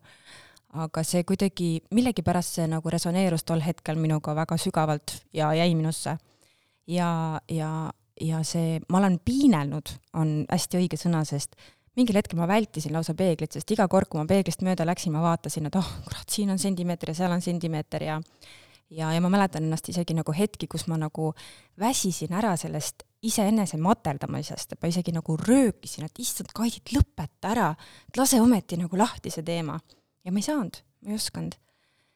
ja kui me räägime nagu täna sellest, et et täna ma olen kohas, kus, kus ma ei tunne, et ma oleks paks. ja ma tunnen ennast tegelikult nagu väga hästi oma kehas ja, ja ma tegelen püüan nagu tegeleda hästi palju ka füüsiliselt erinevate spordialadega, sest see on põnev nagu vaadata, mida mu, milleks mu keha suuteline on. Aga kuidas ma selle saavutasin? tegelikult on seal, tegelikult on seal kaks põhjust. üks põhjus on seesama, see iseenda leidmine, et kui sa tood oma fookuse lõpuks ära väljaspoolt sissepoole, et sa hakkad mõistma, et, et see, milline sa välja näed, ei ole nii oluline kui see, milline sa seestpoolt oled ma toon ühe vahva näite siit. vaata, kui sa võtad, et üheksanda klassi tüdrukud oma lõpupäeval väga-väga ilusad, eks ju, kõigil on pikad maanid, kleidid on ju, kostüümid tohutud, käivad tead maniküüris, ma ei tea, võib-olla mõni pediküüris on ju, kosmeetikus, juuksuris ja nii edasi, no, no täielik, täielik nagu paraad. ja kui inimene lõpetab kaheteistkümnendat klassi, noh, tead, võib-olla mõnel on siis ka veel uhke kostüüm. ja siis sa lõpetad bakat, noh, on juba selline natukene võib-olla pükskostüüm isegi, eks ju, kui sa lõpetad magistrit, siis kombekas siis sa lähed teksadega ja kui sa lõpetad doktorit, siis ma arvan, et sa ei lähe isegi aktusele, vaid sa lähed lihtsalt hiljem nagu kantseleist võtad, eks ju. ehk see on põhimõtteliselt seesama, sama asi, et mida, mida teadlikumaks sa saad iseendast, mida rohkem sinu sees see anum täitub, seda vähem on sinu jaoks oluline see, et, et milline sa nagu välja näed. et ma isegi nagu vahepeal lähen poodi niimoodi, et mul on dressipüksid ja ma tõmbasin nagu kummikud otsa ja siis on mingi läki-läki peas ja saab ja nagu mingi suvajope ka onju, siis mul üks äh, venelannast sõbranna on, kes on noh, väga ilus naine ja alati väga sätitud. kui on küsinud mu käest, et issand jumal, Kaidi, niimoodi lähedki poodi või? aa, issand, ma ei tea, mõtlesin, ma lähen võtan piima ainult ma ei lähe kuradi date'ile, onju. et, et see on kindlasti nagu see üks asi, miks on hästi oluline see ise, iseennast nagu leida. Enda tugevuste ja nõrkuste leidmine ja selle aktsepteerimine. aga teine asi on ka see, et millises seltskonnas sa aega veedad minuga on nagu see kaks tuhat kakskümmend käinud kaasas üks väga, üks väga eriline meesterahvas, kes äh, kuidagi tõi minu fookuse selleni, et, et ma, et ma olen ilus. ma kuidagi nagu, ma ei saanud kunagi nagu aru sellest, et, et, et, et et ma võiks nagu olla ilus. ma kuidagi ei tajunud seda, mitte et ma praegu nagu juba uhke oleks ja kuskile lavadele nagu roniks, on ju, modellilavadele või poodiumitele, aga lihtsalt see, see teadvustamine, et, et noh, isegi kui on nagu peale magusa söömist natuke mingi volt sul kõhu peal, et noh, mis siis, see on ju armas nagu või, või noh, tead, mingis vanuses naistel tekivad sellised asjad nagu lehvitaja lihas, eks ju, nagu mu sõbranna ütleb, no jah, okei okay,, ma ei ole sellepärast halvem inimene nagu ja ma ei olegi kuhugi, ma ei ronigi fitnessi lavale, eks ju. ja see pidev teadvustamine, kogu aeg see ütlemine, et see, kui keegi kogu aeg meenutab sulle, et sa oled fantastiline, Kris, sa oled nii äge inimene. no kujuta ette, kui keegi kogu aeg ütleb sulle, siis sa lõpuks ju hakkad seda uskuma ei vä see on äh, valus teema. Noh, eks ju. vot ei hakka uskuma. ei hakka uskuma. see on teine, see on nüüd teine pool asja juures, et seal on teine, seal on veel teine võrrand olemas, mida sa võib-olla tundnud ei ole mm. -hmm. nii äh,, sa tahad seda jagada? jaa, ma võin lühidalt, aga olen äh, mul enda väärtustamisega päris sügav teema ja täna läbi Anne Launi, kes on meil siin coach'ina mitu korda esinenud ja ta on mul hea sõbranna ja tema nagu aitab mul seda asja mõtestada ja alles hiljuti oli meil jälle üks Zoom ja ma olen temaga mingeid vestlusi siin avalikult jaganud ka kuidas see coaching'u teraapia siis käib või coaching'u sessioon käib ja kuidas läbi teise inimese võimalik jõuda vastusteni iseendast. ja, ja ma mõistangi, et mul on enda üle, ma olen võtnud äh, pähe mingisuguse veel omakorda asja, mis on siis hästi suur vastutus nüüd tütre sünni ees ja, ja nüüd, kuna mu elu ei ole selline, nagu ma ette kujutasin, milline ta on, kui tütar on kahe-kolmeaastane, siis ma olen terve see aeg ennast tampinud täiega ja ma ei väärtusta absoluutselt seda, mida ma olen teinud või teen kaasa, kaasa arvatud see podcast'i äh, loomine või kas või siit väärtuse loomine inimestele, et ma tean täpselt, kui paljud inimesed seda hindavad ja kui paljud elud on sellest muutnud ja kui palju mulle iga päev kirjutatakse, kui tore sa, Kris, sa oled ja kui äge sa oled ja sa oled nii tubli ja ja, ja aga vot äh, ma ei saaks öelda, et it means nothing, nii ei saa öelda. aga see läheb mulle korda, ma tun-, tunnistan ja tunnustan seda ja võtan vastu, aga samal ajal tunnen, et not enough mm. -hmm. see ei ole piisav ja, ja jah, nii et see, see ei pruugi alati aidata, sest et endas on sees nii tugev enda tampimine lihtsalt. aga see koht, kus sa praegu oled selleks hetkeks, ma saan aru, et su tütar on nüüd? kaks pluss. kaks pluss. kas siis see koht, kus sa täna oled, on kuidagi tunduvalt halvem kui see koht, kuhu sa oleksid tahtnud jõuda selleks ajaks, kas sa tunned nagu reaalselt millestki puudu? ei, sõltub äh, valdkonnast, noh, finantsiliselt on, on keerulisem aeg, kui ma oleks arvanud, aga Annele tõi hea punkti välja, et et terve see aeg, kui ma olen siiamaani muretsenud nii-öelda sellel äh, finantsialaselt või kuidagi mingi, mis iganes valdkonnal olen muretsenud mingi X perioodi vältel, et kas oleks saanud ka rõõmsamalt ja rahumeelsemalt seda perioodi võtta. jah, kindlasti oleks saanud, aga kuidagi on see nii sisse kinnistunud, et see halvab sind lihtsalt. seega jaa äh,, täna on täna on see seis selline, et äh,, et kuidagi, kuidagi on selline mõnus, mõnus võitlus endaga enda sisemaailmaga mm. -hmm. no vot selle raha teemal on jah, ma arvan, et siinkohal on ka see meeste ja naiste erinevus, et meestel on kuidagi nagu alateadlikult sisse kodeeritud, et nad peavad olema need, kes siis toob selle saagi koju ja toob sulle selle pataka kätte, viska voodisse, supple naine, onju, viiesaastas. et minu meelest see on nagu tohutult raske koorem meestele ja üldsegi ei peaks seda nagu olema, et et, et aga noh, see jõuab jällegi selleni, eks ju, et, et, et kui palju sul siis tegelikult vaja on mm -hmm. selleks, et tunda ennast hästi, see on see, mis me siis rääkisime mm -hmm. enne, kui me podcast'iga alustasime. et, et need arusaamised on ka nagu hästi erinevad, et, et tegelikult see elu, kust mina välja astusin, noh, ma elasin väga külluslikus elus, selles ma sõitsin suure džiibiga, eks ju, ma elasin suures majas, mul eksabikaasa tegeles investeerimistega, asjadega, eks ju, et mul ei olnud mitte millestki puudu kodu, ma ei vaadanud kunagi poes silte, et noh, et, et kas mul nüüd selle jaoks raha on või ei ole raha, ma isegi ei teadnud mingil hetkel, palju nagu pakk piima üldse maksab, sellepärast et ma ei, see oli asi, mille jaoks, noh, mida ma ei pidanud mõtlema. sest see mees lihtsalt tagas minu jaoks kõik. aga ma ei olnud ikka rahul. vaata, ja see, ja see panebki sind nagu mõtlema, et mis see siis nagu, kas sellel rahal ikka on nagu sellist väärtust, et sa pead teda niimoodi nagu ebajumalaks tegema. ja kui ma nagu ära kolisin ja ma istusingi vanas puuküttega, ahiküttega kahetoalises äh, puumajas, eks ju, ahiküttega korteris oma kahe lapsega ja arved maksin kõik ära, vaatasin, et okei okay,, mul on nüüd mingi paarkümmend eurot kuu lõpuni, oli kuskil kaheteistkümnes äh, kuupäev, on ju, no tuli küll aastus peale nagu. aga vot tagasi ei roninud, sest tegelikult meelerahu oli nagu sügavam. kuidagi see, et, et okei okay,, et noh, isegi, tead isegi põnev hakkas nagu, et oh, kuidas ma siis nüüd saan hakkama. et see ongi see, et kuidas ma nagu otsustan sellesse nagu suhestuda, eks ju. Et kas ma istun maha ja hakkan nutma, et kõik on jumala perses ja ma olen täiesti mõttetu ja ma olen oma elu ära, elu ära rikkunud, on ju, või tekib nagu see hasart, et okei okay,, et noh, kuidas ma nüüd selle rahaga hakkama saan, et mida mul tegelikult nagu vaja on, kui palju mul siis nii-öelda neid kuivaineid seal kapis on, äkki ma hoopis mõtlen välja mingi uue ägeda retsepti, mida katsetada, eks ju või, või siis avastan, et võib-olla mul on kapis mingisugused äh, vanad, aga korralikud riided, mida maha müüa, titte asju on nii palju, on ju, kust saab nii-öelda seda nagu raha juurde, et et see ongi võib-olla see äh, vaatevinkli seadmine, aga noh, ma saan aru, naistel ja meestel on see erinev.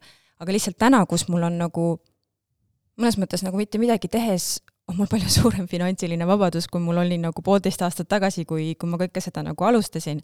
sest tead, kui naljakas on see, et kui ma mingil hetkel nagu loobusin sellest, et et mul ei ole nagu, mul ei ole palju, palju vaja selleks, et tunda ennast hästi ja poistel oleks äh, nagu kõik asjad olemas ja meil endal nagu söök laua peal, hakkasid inimesed nagu lihtsalt nagu, nagu pakkuma raha, nagu see, see oli veider, mitte nagu mingite teenuste eest, on ju, appi kuulajatel võib praegu nii tobe mulje jääda. aga reaalselt, et nagu, ma ei tea, lihtsalt lähedased, mõni tegi jälle mulle mingi kande ja uuesti mingi kande ja uuesti mingi kande ja siis ma nagu helistasin, et, et, et ma saan tegelikult väga hästi hakkama endaga, mul ei ole nagu vaja neid. ei no jah, mul, mul jäi siin nii palju üle, ma mõtlesin, et ma kannan sulle. ja, ja need kuidagi nagu kogunesid, eks ju, ja noh, lisaks see minu enda tegevus nagu ka. et täna ma käin samuti jälle poes, et ma ei, ma ei vaata hindu noh, muidugi ma ei käi mingisuguseid Dolce ja Gabbana asju endale ostmas, eks ju. aga kas on vajagi, sind võib-olla ei huvitagi see? mind ei huvitagi ja see ongi kõige naljakam, et mind reaalselt ei huvitagi. aga ma saan aru, ma saan aru, et, et sa tuled kuskilt teisest kohast ja ilmselt ei ole see praegu see väga õige platvorm, kust seda ka nagu arutada jah, ei, ega see, ma saan kõigest aru, mul endal on, ma siinkohal pean sind kiitma ja tunnustama, et palju õnne sulle ka mina sain eelmine aasta selle kogemusega rikkamaks, et raha saab tulla ka lihtsalt ülekandena, ilma et ma oleks mõelnud selle peale, kus ma selle saan, ikkagi lihtsalt, näe, võta sott. noh, high five. jah, high five on ju. Ja, ja see on hästi huvitav, et äh, sellega me loome tegelikult, äh, sellega lõid need inimesed meile selle võimaluse, et nüüd on võimalik, et raha tuleb ka palju rohkemates kohtades kui ainult palgatöö või mhm. ettevõtlus mm. -hmm. või noh, mingi teenuse-toote müük ma tahaks küsida sinult äh, sellist küsimust, mis oli meil webinaris, äh, viimases kontaktis endaga webinari sees, standardküsimus kõigile üheksale esinejale. Äh, potsutame sind siis sinna kümnendaks korraks juurde. Kuidas olla paremas kontaktis endaga, mida tähendab sinu jaoks endaga kontaktis olemine? sest et see on üsna ümmargune mõiste, aga samas. see on hästi ümmargune mõiste jaa. aga see on samas tajutav mm. ja hoomatav, kogetav selles mõttes. mis tähendab minu jaoks kontaktis endaga olemine? Ehm. millest see, millest see väljendub või mis ta nagu on, jah? mul on tunne, et see ongi, äh, see ongi selle iseenda äh, aktsepteerimine. See, et, et ma ärkan hommikul üles, olenevalt siis sellest, et kas, kas mul on hea tuju või on mul halb tuju, kas mul on tänaseks nagu plaanid tehtud või ei ole plaanid tehtud, aga ma nagu, ma aktsepteerin nagu kõike, mis minus on. ma aktsepteerin seda, kui, kui ma millegi peale vihastan, ma aktsepteerin seda, kui äh, Äh, kui ja, ja ikka kiidan, eks ju, ja tunnustan, kui, kui minus äh, tekivad sellised tunded, kus ma tahan kellelegi nii-öelda armastust avaldada või ütelda, et sa oled nagu väga lahe inimene, et see kuidagi kontaktis endaga olemine vist tähendabki nagu seda, et sa haldad seda metsa, kus sa valitsed. aga kuidas sinna jõuda, on siis kõik see jutt, mis me oleme senini rääkinud, eks ju, läbi erinevate praktikate ja, ja just nagu väga pingsalt läbi erinevate äh, iseenese nagu äh, analüüsimise ja mõtestamise. Ma ei mäleta, kas, kas me siis juba lindistasime, kui me sellest rääkisime, et et või, või, või sa äkki mainisid, et äh, et väga palju nagu on inimesi, kes on nagu vaimlejad ja nad tegelevad nagu mingite teemadega, aga nad tegelikult ei tegele nagu iseenda analüüsimisega, kust kõik vaata tegelikult alguse saab. mina olen nii palju nagu õppinud ka teiste inimeste kohta läbi selle, et ma püüan iseennast nagu mõtestada. Miks ma seda teen, miks ma praegusel hetkel ärritusin, miks minus praegu see emotsioon käivitus, mis selle emotsiooni all tegelikult nagu on. sest mulle meeldib nagu mõelda, et, et elu ei ole pahatahtlik. tihtipeale on nagu justkui inimesed pahatahtlikud. aga kuna igas ühes meis on nii-öelda see elualge olemas, siis tegelikult me ei saa olla kuidagi pahatahtlikud. ja ma olen hästi tihti nagu sattunud äh, ühe inimesega nagu vaidlema sel teemal ja ta ütleb, et on küll, et mõned inimesed on kohe kuidagi nagu väga, nagu väga halvad. Noh, kui me võtame siin ikkagi mõrvarid ja psühhopaadid ja nii edasi. aga mina olen arvamusel, et, et noh, tegelikult ei ole.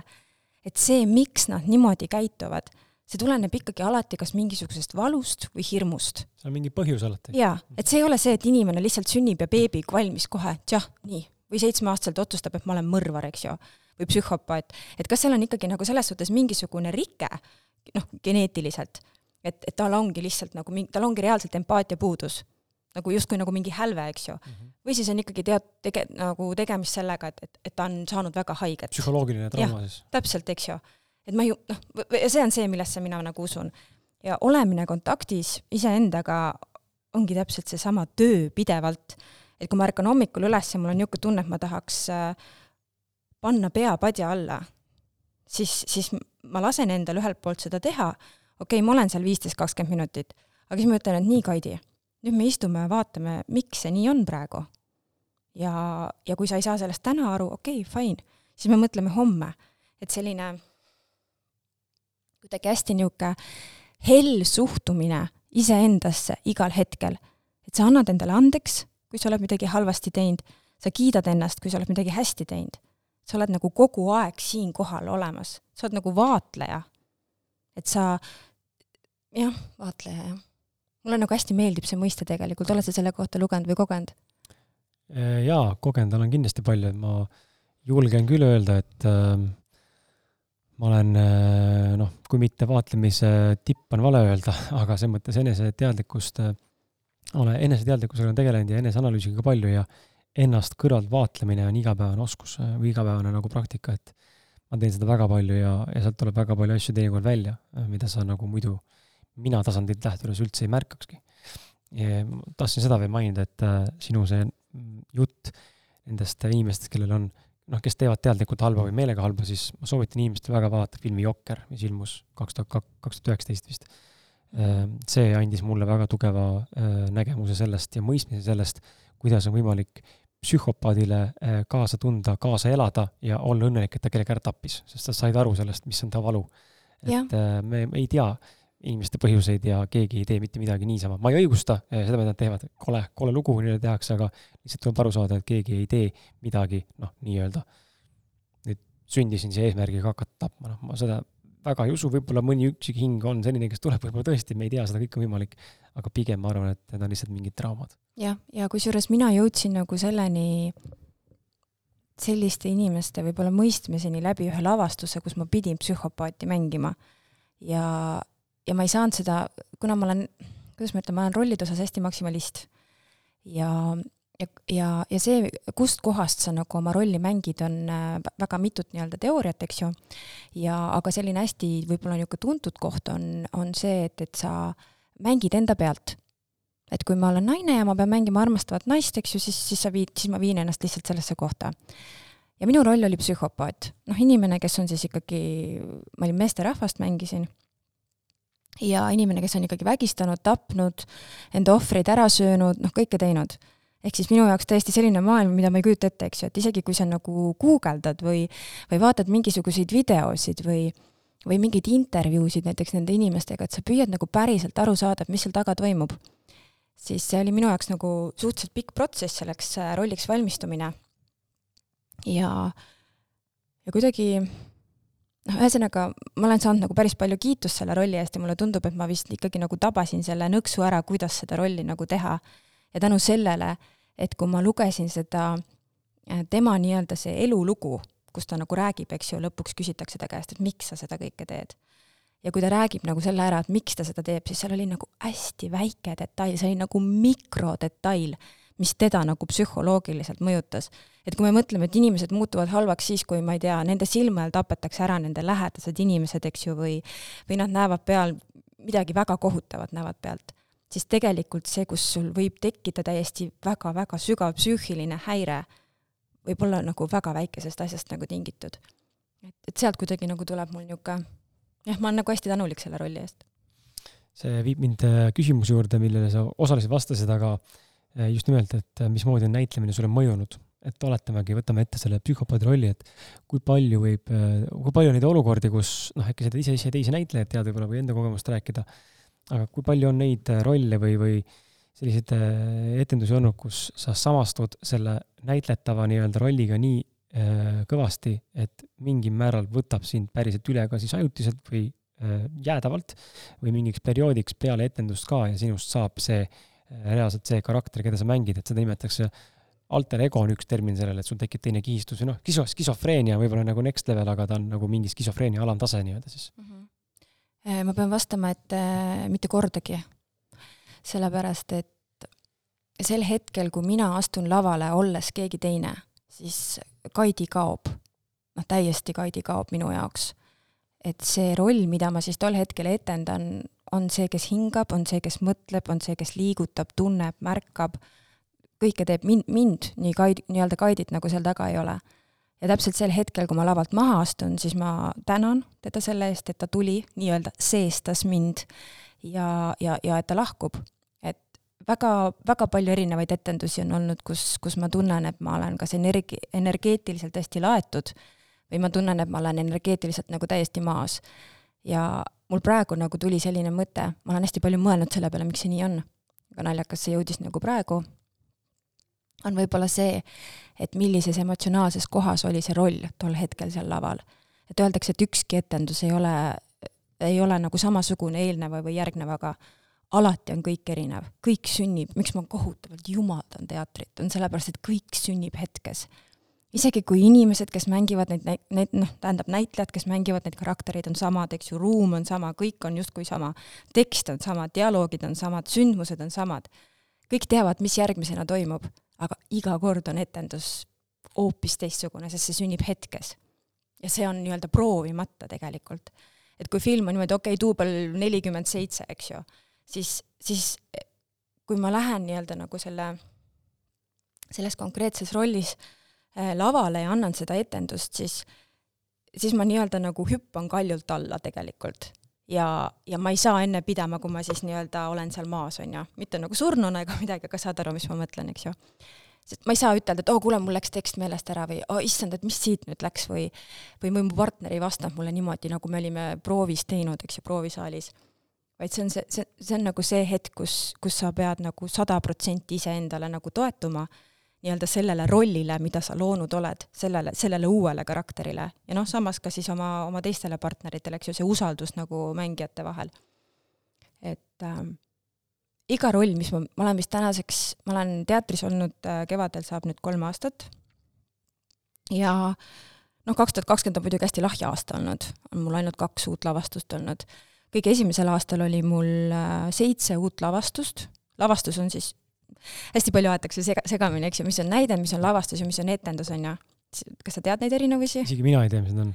noh, okei okay,, ma teen hästi lühidalt, näidend on siis see, mis sul on paberi peal uh. Mhm. -huh. lavastus on see, mis äh, hakkab sellest näidendist siis kooruma, justkui see näidend tõstetakse sul proovisaali, kus karakterid siis hakkavad nagu tekkima, eks ju. ja, ja etendus on siis kindlal ajal, kindlas kohas publikuga antud etteaste. okei okay,, need on etapid ühesõnaga ja,? jah, jah. et kui näiteks võib olla, et on üks lavastus, näiteks meil oli Aleksander Mardani Kassihiire mäng, mida lavastas Jaak Allik, see on lavastus, konkreetselt sai valmis ühel kindlal kuupäeval, aga selle lavastusega oleme andnud näiteks viisteist etendust mm. -hmm. et see on siis selline, eks ju.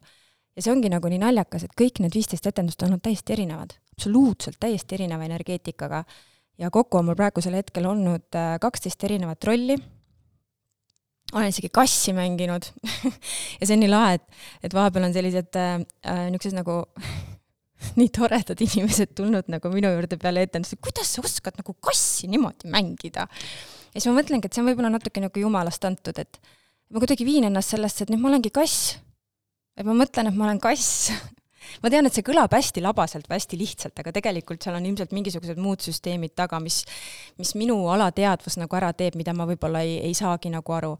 et nad on, igal juhul need rollid on kõik võtnud minu südames nagu väga olulise koha ja kui sul on nagu vahepeal tunne, et et nüüd on kõik, et nüüd rohkem ei mahu, siis iga uus roll tuleb jälle nagu oma kogemuste, oma mõtete, oma tunnetega, et et mul on nagu lavast-, mul, mul on olnud õnn teha väga, väga ägedate lavastajatega äh, tööd ja, ja nad on ikka öelnud, et Kati, et see on uskumatu, et sa oled laval nagu nii orgaaniline, et kuidagi nii loomulik ja kõik kuidagi nagu lihtsalt nagu sünnib hetkes, et kuidas sa seda nagu teed, siis, siis mul on tunne, et see on midagi, mis on nagu jumalast antud ja ja see võib-olla tuleb selle baasilt, et, et ma olen, ma olen suhteliselt niisugune nagu tundlik või empaatiline inimene. et kui keegi räägib mulle mingit lugu iseendast ja, ja see on negatiivne, siis noh, noh, mul on, mul on nii raske, mul on nii valus nagu seda inimest kuulata. et võib-olla sealt tuleb ka nagu see oskus ennast samastada selle karakteriga. sa ütlesid väga huvitava asja, mis viib äh, järgmise küsimuseni äh,, isegi mingil määral nagu life hack'ini äh,, mine tea, äkki on, ma ei tea. sa mainisid seda, et äh, rollidega noh, sa elad ja hingad seda rolli äh,, mis viib minu, mind selle, selle mõtteni, et fake it till you make it on niisugune lause inglise keeles olemas, et ähm, eesti keelde siis tõlgituna, kui kõik eesti, inglise keelt ei valda, siis äh, noh, võltsi või, või nagu proovi nii kaua, kui õnnestub. jah, või nagu mängi midagi, mida sa, või tee, teeskle nii kaua, kui õnnestub, on ju, või midagi taolist. et äh, kas näitlemist saaks kasutada siis ka näiteks äh, oma mindset'i ja eluviisi muutmiseks? illustreeriv näide seal kõrval ongi siis see, et kui ma olen inimene, kelles, kellel on vaene mentaliteet, vaene mõtlemine, rahapuuduse mentaliteet näiteks, või inimene, kellel on tervis korrast ära, aga nüüd mul on näitlemisoskus või ma õpin näitlemisoskuse ära või ma saan aru, kuidas näitlejad näitlevad ja nüüd ma hakkan praktiseerima ja hakkan mängima tervet inimest, kas ma muutun nüüd tervemaks? ehk siis sellele järgneva muidugi tegevuse ma ei mõtle nüüd, ma mõtlen ennast mõttejõud terveks, mis on ka võimalik, aga ütleme nagu praktiliselt vaadates ma hakkan tegema nüüd neid samme, ma hakkan elama nüüd selle uue eh, näitleja või selle uue rolli elu olles ise mina ise, aga võtan mingi muu rolli nagu üle endale ja salvestan üle. kas näitlemist saab kasutada siis alateadvuse ülesalvestamiseks? mina arvan, et saab. ma ei saa sulle muidugi sada protsenti väita, et see nii on, aga kui mina näiteks iseenda elu mõtlen, siis äh, sellise nagu negatiivsuse ülekirjutamine positiivsusega on ju tegelikult ju täiesti võimalik ja ja meel on ju kõikvõimas. näiteks kui sa paned silmad kinni sa võtad endale aja ja sa nagu tõsiselt keskendud ja sa kujutad ette, et aa, et sa istud kuskil soojas rannas liiva peal, eks ju, nii mõnus on, sa võib-olla kuulad seda kajakate kisa ja kui sa piisavalt kaua nagu nii-öelda selles hetkes viibid, siis sa mingil hetkel võid isegi nii-öelda seda adrulõhna ju tundma hakata. ehk siis meel ei saa ju tegelikult aru, kas see, mida sina ette kujutad, on päris või see, kus sa päriselt oled, on päris et äh, niimoodi on tegelikult ju justkui nagu su- äh,, räägitakse ka, et et me oleme praegusel hetkel äh, liikumas neljandasse dimensiooni ja viiendasse dimensiooni, mis on siis nii-öelda selle armastuse ja süda, südame järgi elamise dimensioon. ja, ja seal peavad just nagu olema see, et et see, mida sa nagu mõtled, see kohe õnnestub. ja mingil määral me juba praegu tegelikult oleme, asjad sünnivad palju kiiremini kui võib-olla mingi kakskümmend, kolmkümmend aastat tagasi. mina iseenda elus olen hästi palju seda nagu kasutanud või, või noh, praegusel hetkel kogenud. aga nii et minu vastus sinule on jah, et mina tunnen küll, et kui sa, kui sa tahad midagi kogeda või midagi iseenda ellu nagu tuua, siis sellele keskendumine võib tuua nagu, võib õnnestuda sul tuua see asi oma ellu. ehk siis öeldakse ju ka, et see, kuhu sina oma energia suunad, see ju paisub, eks ju küsimus on lihtsalt selles, et, et, et kas see, mida sina soovid kogeda, ehk siis kuhu sa oma energia suunad, kas see on ka nagu sulle kui Krisile vajalik? või tähendab, et äh, ma tahtsin teistmoodi öelda, et kas see on ka nii-öelda sinu hingekogemuseks vajalik või see on midagi, mida nagu Kris tahab kogeda, et seal on vaata nagu kaks erinevat asja. mina tahtsin ju väga-väga saada näitlejaks, eks ju, ma tegin ju tohutult tööd, ma tegelikult põletasin kõik sillad enda selja taga ära ja ainult näitlesin. aga see, miks ma teatri juurde jõudsin, on hoopis mingi muu põhjus kui see, et, et ma oleks pidanud saama, minust oleks pidanud saama mingi draamalavade primadonna, eks ju, ja seda tean ma täna. aga tol hetkel ma tegin kõik endast võimalikku, et selleks saada, aga see mul nagu ei õnnestunud, nii et siin võib jah olla niisugune konksuga asi, et iga kord võib-olla ikkagi ei õnnestu, kui sul ei ole tegelikult vaja seda kogemust mm. -hmm. see viib mind äh, sellise mõtte juurde, mida ma kuul-, kuulsin üks paar aastat tagasi, kui ma töötasin äh, netipoes äh, turundusjuhina ja siis tegid oma tööd seal päevad läbi ja siis klapid on kõrvas, kuulad mingit podcast'i ja ma kuulan üksikuid podcast'i inglise keeles ja siis üks külaline saates ühes podcast'is ja külaline andis niisuguse huvitava nõuande, mida, või noh, praktilise harjutuse, mida ma olen korra läbi teinud, aga pole reaalselt äh, praktikasse viinud e,. ja nüüd tegelikult oleks aeg seda teha, sest et mm, ma tunnen, ma pean hakkama tegema reaalselt mingeid samme, et mingeid enda asju ümber salvestada. aga see praktiline harjutus oli umbes selline, et äh, kirjuta endast äh,, äh, loo enda karakter.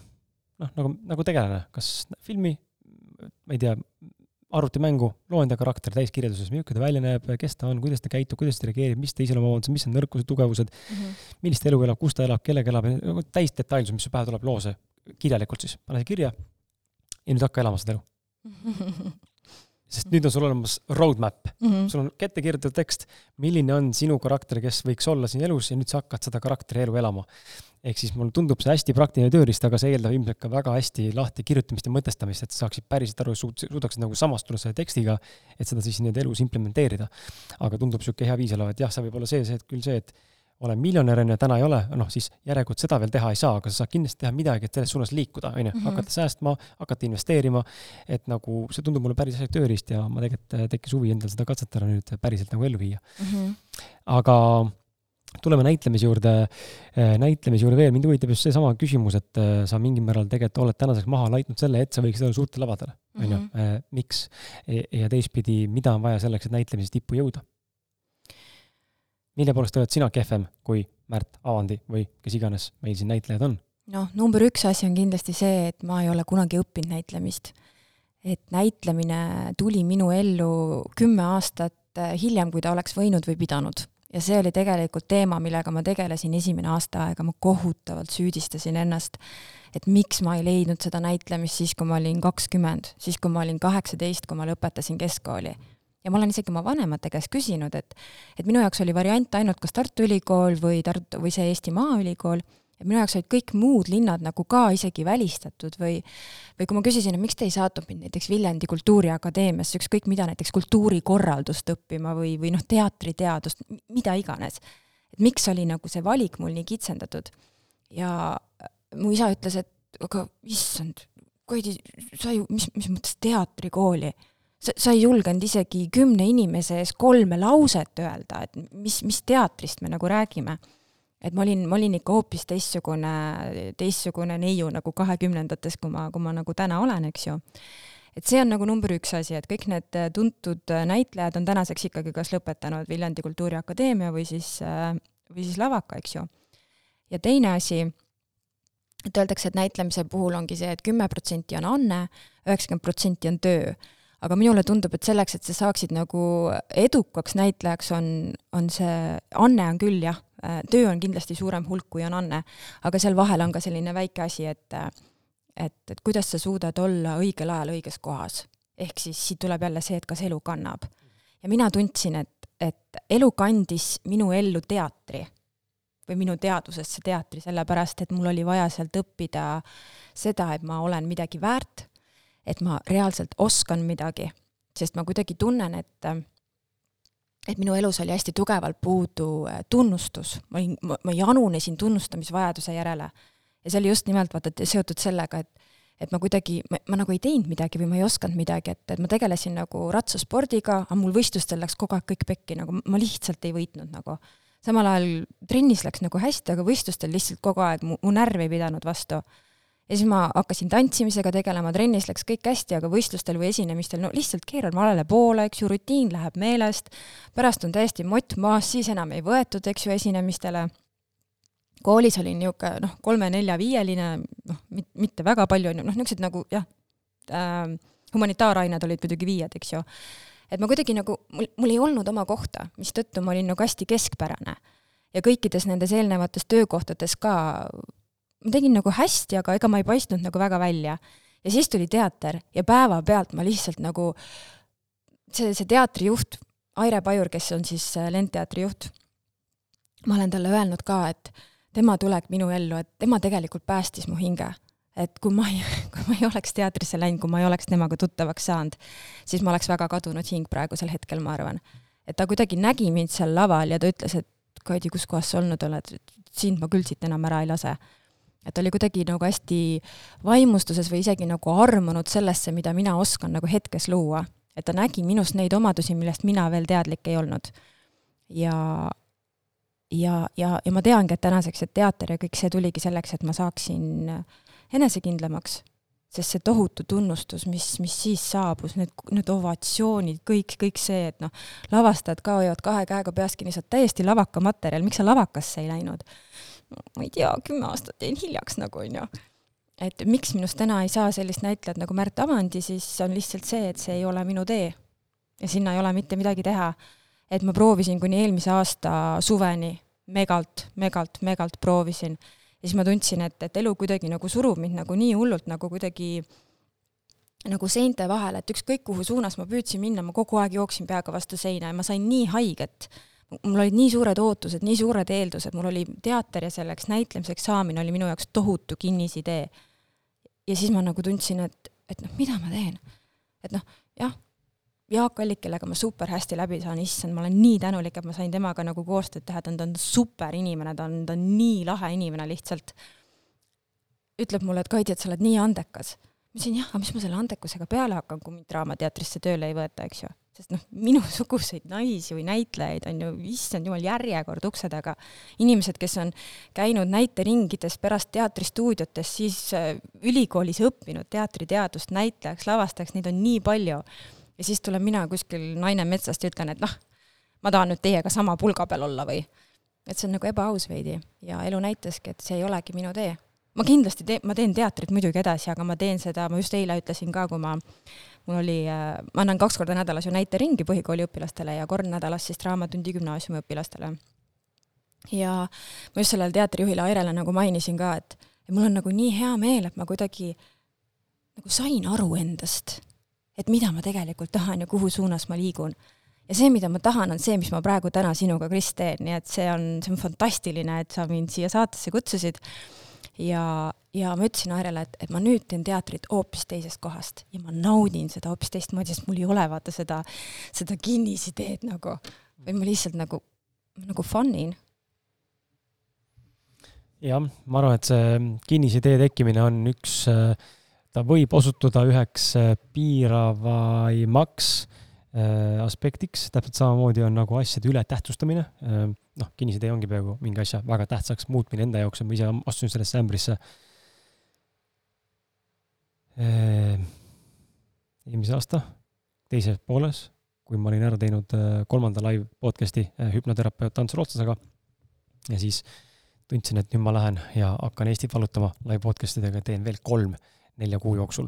ja siis äh, esimese kahe nädalaga mõistsin, et äh, ma isegi ei mäleta, mida ma mõistsin, aga ma sain aru, ma olen pannud ausalt mehe podcast'ile mingisuguse, sel hetkel siis olin pannud väga suure mingisuguse sellise mm, mõttelise nagu tähtsuse, ülitähtsuse nagu, et vot see on nüüd see Eesti kõige parem podcast ja kõige suurem podcast ja see peab olema selline, see peab olema too ja viies ja kuues ja sadas, mis iganes veel tingimused ette ja kui mingi üks neist tingimustest ei täitunud või läks natuke nagu mööda sellest, mis ma ette ei kujutanud, siis mul tekkis meeletu enese pitutamine, nagu sealt Da Vinci filmist on ju, selle suure kuradi rõveda piitsaga niimoodi veriseks kohe mm. -hmm. Ja saingi aru, et ma olen pannud liiga suure tähtsuse, liiga suure kella külge olen pannud enda jaoks. et teised ammu juba hindavad, mida ma teen, aga ma tahtsin nagu push ida sellest välja nagu noh, enam-vähem lükata oma hing kehast välja, onju, et nagu mm -hmm. nii jõuliselt üritad suruda midagi. siis ma jooksin vist, ma arvan, ma jõudsin otsapidi kogeda elus esimest korda nagu läbipõlemist ja reaalselt mõtlesin, et ma jätan podcast'i pooleli, sest ma ei, ei taha teha, mul kadus nagu huvi mm. -hmm. nagu tekkis niisugune tropp, et ei, ei suuda üldse teha enam. Õnneks läks kiiresti üle, ma sain, sain sellest aru. Nii et äh, jah, see, see on oskus äh,, mitte leppida, leppimine mulle ei meeldi, leppimine just nagu allaandmine mm, -hmm. ma lepin sellega, et ma ei ole näitleja või ma lepin mm -hmm. sellega, et ma olen vaene, ei. vaid äh, aktsepteerida ja mõista, et ju siis see nii on, et aga, aga see ei tähenda halba, vaid seal on aru saada, et et see on lihtsalt üks, üks osa teekonnast ja keegi ei välista, et sa ikkagi ei või sinna jõuda mingi hetk, võib-olla neljakümnesed, viiekümnesed, kes teab, on ju, kuskil tekitab kutse ja avatad ja uks avatakse ja said, on ju. Mhm. et lihtsalt täna on nii. jah, see kuidagi, et ju see on nii, on tegelikult äh, hästi äh,, hästi võimas lause, sest see, jah, see, tulen jälle selle alistumise juurde, on ju, aga see ju see on nii, on äh,, kätkeb minu, mina olen hästi palju seda kasutanud kätkeb minu jaoks seda, et et see, et see on nii, on see, millest ma olen täna teadlik, aga see, mille jaoks see vajalik on, see ei ole minuni veel jõudnud. et, et noh, väga tihti ju öeldakse, et, et sulged ukse, avaneb aken, on ju, et me, mul on nagu no ma ei tea, kas, kas sa kavatsesid seda küsida või ei kavatsenud, aga kuidagi selline ju see on nii, sellega tuli mul hästi-hästi lahe kogemus. võib-olla jagan või? ühesõnaga, ma rääkisin, vaata, et ma elasin selles ahiküttega kahetoalises korteris, mis oli kolmkümmend seitse ruutu, nii et sa võid ette kujutada, kui kitsas see oli ja mul, mul väike poja on selline hästi äge tüüp, et ta põhimõtteliselt sõi mind nagu magamistoast välja, nii et ma lõpuks magasin siis seal nii-öelda avatud köögis elutoas diivani peal, mul olid tohutud seljavalud juba, sest temale meeldis magada minu suures saja kuuskümmend sentimeetrit laias voodis, on ju, ta põhimõtteliselt lihtsalt ei maganud ei narivoodis, ei ükskõik, kuidas ma need voodid sättisin, noh, niisugune nagu täielik äh, kuningas, on ju. Ja mingil hetkel ma olin hästi tänulik, sest ta oli hästi-hästi odav, ma sain nagu noh, tõsiselt ma sain väga hästi nagu hakkama endaga ja mingil hetkel, kui nagu raha hakkas nagu natuke rohkem tulema, siis ma nagu tajusin, et oi, ma ei taha siin korteris enam olla ja noh, siin on nii niiske ja kogu aeg küta, et seal oli mingi vana ahi, et et ta isegi eelmisel päeval küttes, järgmise päeva lõunaks oli ta vaevalt leige, eks ju. ja pesu üldse ära ei kuivanud ja aknad olid märjad ja hallitasid juba ja noh, tead, vägisi kippus selline ohvrimentaliteet ligi, eks ju, et noh, täitsa lollakas. kolmkümmend kolm lahutatud kahe lapsega istud mingi ahiküttega kahetoalises korteris, noh, idioot oled või? ja, ja ma hästi-hästi kaua olin tegelikult, tegelesin endaga, et sellest punktist nagu välja saada ja ühel hetkel sain. ja kuidagi nagu mõistsin ja mõtestasin seda, et minu jaoks on oluline see, et mina olen terve, et mu lapsed on terved et me saame koos aega veeta, et, et mul on nagu tuju hea ja, ja ma tegelen nende asjadega, mis, mis tekitavad minust nagu joovastust, mis tekitavad hea tunde, mis, mis, mis paneb mind hommikul nagu voodist üles ärkama. ja, ja kuidagi otsustasin, et me veedame lihtsalt kodus nagu vähem aega, et kuna finantsiliselt oli lihtsam, siis me veetsime lihtsalt hästi palju aega nagu kodust väljas. Käisime kinos ja käisime spaades ja käisime mängumaadel ja suvisel ajal jalutamas ja rabades ja, ja käisime sõpradel külas ja kuidagi iga kord, kui me nagu sinna koju tagasi tulime, siis mu suurem poeg alati ütles, et emme, siin sinu juures on nii mõnus, et me saame niimoodi kaisus siin diivani peal telekat vaadata ja siis sa magad meil kaisus ja et me ei kao üldse nagu ära, et siin on nii mõnus, hea ja väike. ja ma mõtlesin, et on jah, lahe, me vaatasime kõik nagu multikad ära, mis vähegi nagu lastele vaadata võimalik oli, onju. ja siis täiesti lampi. ma arvan, et sel hetkel, kui ma seda kuskil äh, olin vast mingi kuu või kaks kogenud, vaatasin poisiga, vaatasin multifilmi ja tuli reklaamipaus ja noh, muidugi Facebooki kohe on ju, ja scroll in seal ja vaatan, et, et, et Elvas on nagu üüril kolmetoaline korter. ja noh, ma tahtsingi kolmetoalist, eks ju. ja vaatan, vaatan, vaatan, kolme toaga, jumala hea asukoht, eks ju, renoveeritud majas, keskküttega. mis asja nagu, tegin selle postituse kohe lahti, on ju, vaatasin, et oh, okei okay,, kuus inimest on juba kirjutanud, et oh, kirjutasin teile, olen huvitatud. mõtlesin, noh, what the heck, on ju, ma kirjutan ka, mis seal siis ikka ja, ja kirjutasin ja, ja siis see omanik nagu kohe kirjutas mulle vastu. et jaa, tere, eks ju, noh, rääkisime seal veel mingi kümme minutit, on ju, küsisin igasuguste asjade kohta, vaatasin, jumal, et nii odava hinnaga ka, et mis seal korteril nagu viga on, vaata, ainult mingi mõnikümmend eurot oli nagu üür kallim, kui praegu on. kui, kui sellel väiksemal korteril oli. küsisin, et kuule, et kas ma saaks nagu homme vaatama tulla, jaa, jaa, mis kell teile sobib? Mhm, leppisime kellaaja kokku, ma ütlesin, et huvilisi on vist väga palju jah, et ma vaatasin, et ei, ei ma ütlesin, et huvilisi on vist väga palju, siis ta ütles ei üldse mitte, et kohtume homme. mis asja, mis toimub? Läksin järgmisel päeval korterisse kohale, kuidagi nagu hingasin ja tajusin ja mõtlesin, et aa, siin on nii hea olla, mulle kõik klapib nagu keskküttega ja kõik, kõik asjad olid nagu nii lähedal ja väga hästi nagu sobis. ütlesin okei okay,, ma võtan. ja siis ta ütles, okei okay. ja siis mõtlesin, et vot hakkab noh, kuidas see nagu, kuidas see nagu võimalik on, et, et, et mina selle korteri sain, on ju, siis no muidugi ego vaata kohe tõstis pead, no ilmselt ta teab, et ma Lendteatri näitleja vaata olen, on ju. ja siis, ja siis ta ütles, et, et äh, aga ma ei tea, et te olite ju ainuke, kes mulle nagu kirjutas. mis, mis mõttes, kuus või seitse inimest veel kirjutasid teile. ja siis ta ütles, ei, ei, et ainult teie kiri jõudis minu postkasti. et kõik ülejäänud jõudsid alles järgmise päeva hommikul nagu, kui mul oli teiega juba kokku lepitud. ja vot see oli hetk mis nagu niimoodi raputas mind, et kui sa nagu päriselt, okei okay,, ärme kasuta sõna lepid, aga kui sa nii-öelda nagu las siis tuleb kõik see, mis peab tulema. Ja ma naudin seda ja ma olen tänulik selle eest, mis mul täna ja praegu on, siis tegelikult on võimalik, et elu saab kanda sulle nagu mingid sellised asjad, millest sa isegi nagu ei tea, et võiks tulla ja, ja ma arvan, et meie inimeste kõige suurem probleem ongi see, et hästi palju eh, keskendutakse nagu, et kuidas selline asi saab tulla ja kuidas ma seda suudan saavutada, mitte sellele, et mida ma tahan. sest sellest ka ju hästi palju räägitakse, eks ju. mõtle, et sa tahad armastust kogeda või mõtle, et sa tahad suuremat kodu. kujuta ennast sellesse kodusse, noh, mida mina nagu ka tegin, eks ju, et kuidas mul on rohkem ruumi ja kuidas poistel on oma tuba ja kõik need asjad, mina saan oma voodis magada, onju. et ära mõtle selle peale, kuidas see saab tulla. ja siis ta tuli see on äh, hea näide, ähm, see on hea näide ja ma saan siia kõrvale tuua ka sellesama näite, kui äh, noh, see läheb läbi, see käib siis nüüd selle konkreetse sinu näite kohta ja minu näide on samamoodi samasse näitesse, mis puudutab siis tehnoloogiat. et noh, justkui inimesed kirjutasid eelnevalt ära juba enne sind, sa olid nii-öelda siis järjekorras, kes teab, mitmes kirjutaja, aga ometi sinu sõnum jõudis esimesena kohale, mis nagu noh.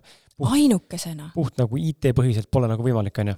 aga näed, mingi anomaalia juhtus mm. -hmm. tehnikaga ongi anomaalia väga palju ja, ja see lihtsalt on näide, üks hea näide, kuidas elu teinekord teebki neid korrektiive nii, nagu vaja on. mul oli samasugune seis siin, ma ei mäleta, kes oli siin, aa, meil oli külas vist, oli Andrus Vana-külas vist äkki saates mm. -hmm. ja siis salvestasime temaga ja ma tahtsin vaadata, et kas keegi on, ma kirjutasin Facebooki vahetusse, kirjutage, kirjutage, küsi küsimusi, vaata saate lõpus on natuke aega, ma küsin mõned teie küsimused, kui tahate. ja siis äh, pool tundi oli vist saate lõpuni, ma hakkasin vaatama, kas keegi on midagi kirjutanud ja Facebook ausalt mehed ei avane, ütleb, et page doesn't exist, pole olemas. siis mis nali see on, et nagu ja niimoodi panin wifi välja, wifi sisse ja leht ei avane ja brauser kinni, brauser lahti ja lehti, Facebook avaneb, aga ausad mehed ei avane. ütlesin okei okay,, siis ei proovi, proovin siis telefonist, ka ei avane, sama asi. ja siis ma saingi aru, et okei okay,, ju siis ei ole vaja küsida, ju siis ei ole vaja. ja nii kui saade läbi sai, tegin lahti selle telefoni, võtsin lahti lehe ja kohe avanes. ehk siis anomaalia teinekord on, tehnika peaks nagu töötama, aga mingil põhjusel ei tööta ju siis ei olnud vaja, sama oli sul, onju, et tehnika inimestel kõik töötas ühtemoodi, inimesed nad kirjutasidki, aga mingil põhjusel see ei jõudnud sinna kohale, kes seda kontrollib ja mis seda kontrollib, me täna ei tea, onju. ja võimegi siin spekuleerima jääda, kas see on jumal või on see midagi meie kõrgem mina või mingid tulnukad või ma ei tea, kes iganes veel, onju. Mhm. vahet pole, igal juhul äh, selge on see, et anomaaliaid võib tulla ja, ja see on hea näide, sinu näide on hea näide selle koha pealt, et kui sa mõtled, äh, et ah, mis mina ikka hakkan tegema, nagunii keegi juba jõudis ette või noh, nagunii keegi teeb seda või ära eelda, vaid äh, mine ja tegutse, sest sa mm. kunagi ei tea. sest võib-olla just sind saadab edu. just. Ähm, vaatan siin, ma tahaks sult küsida veel. Ähm,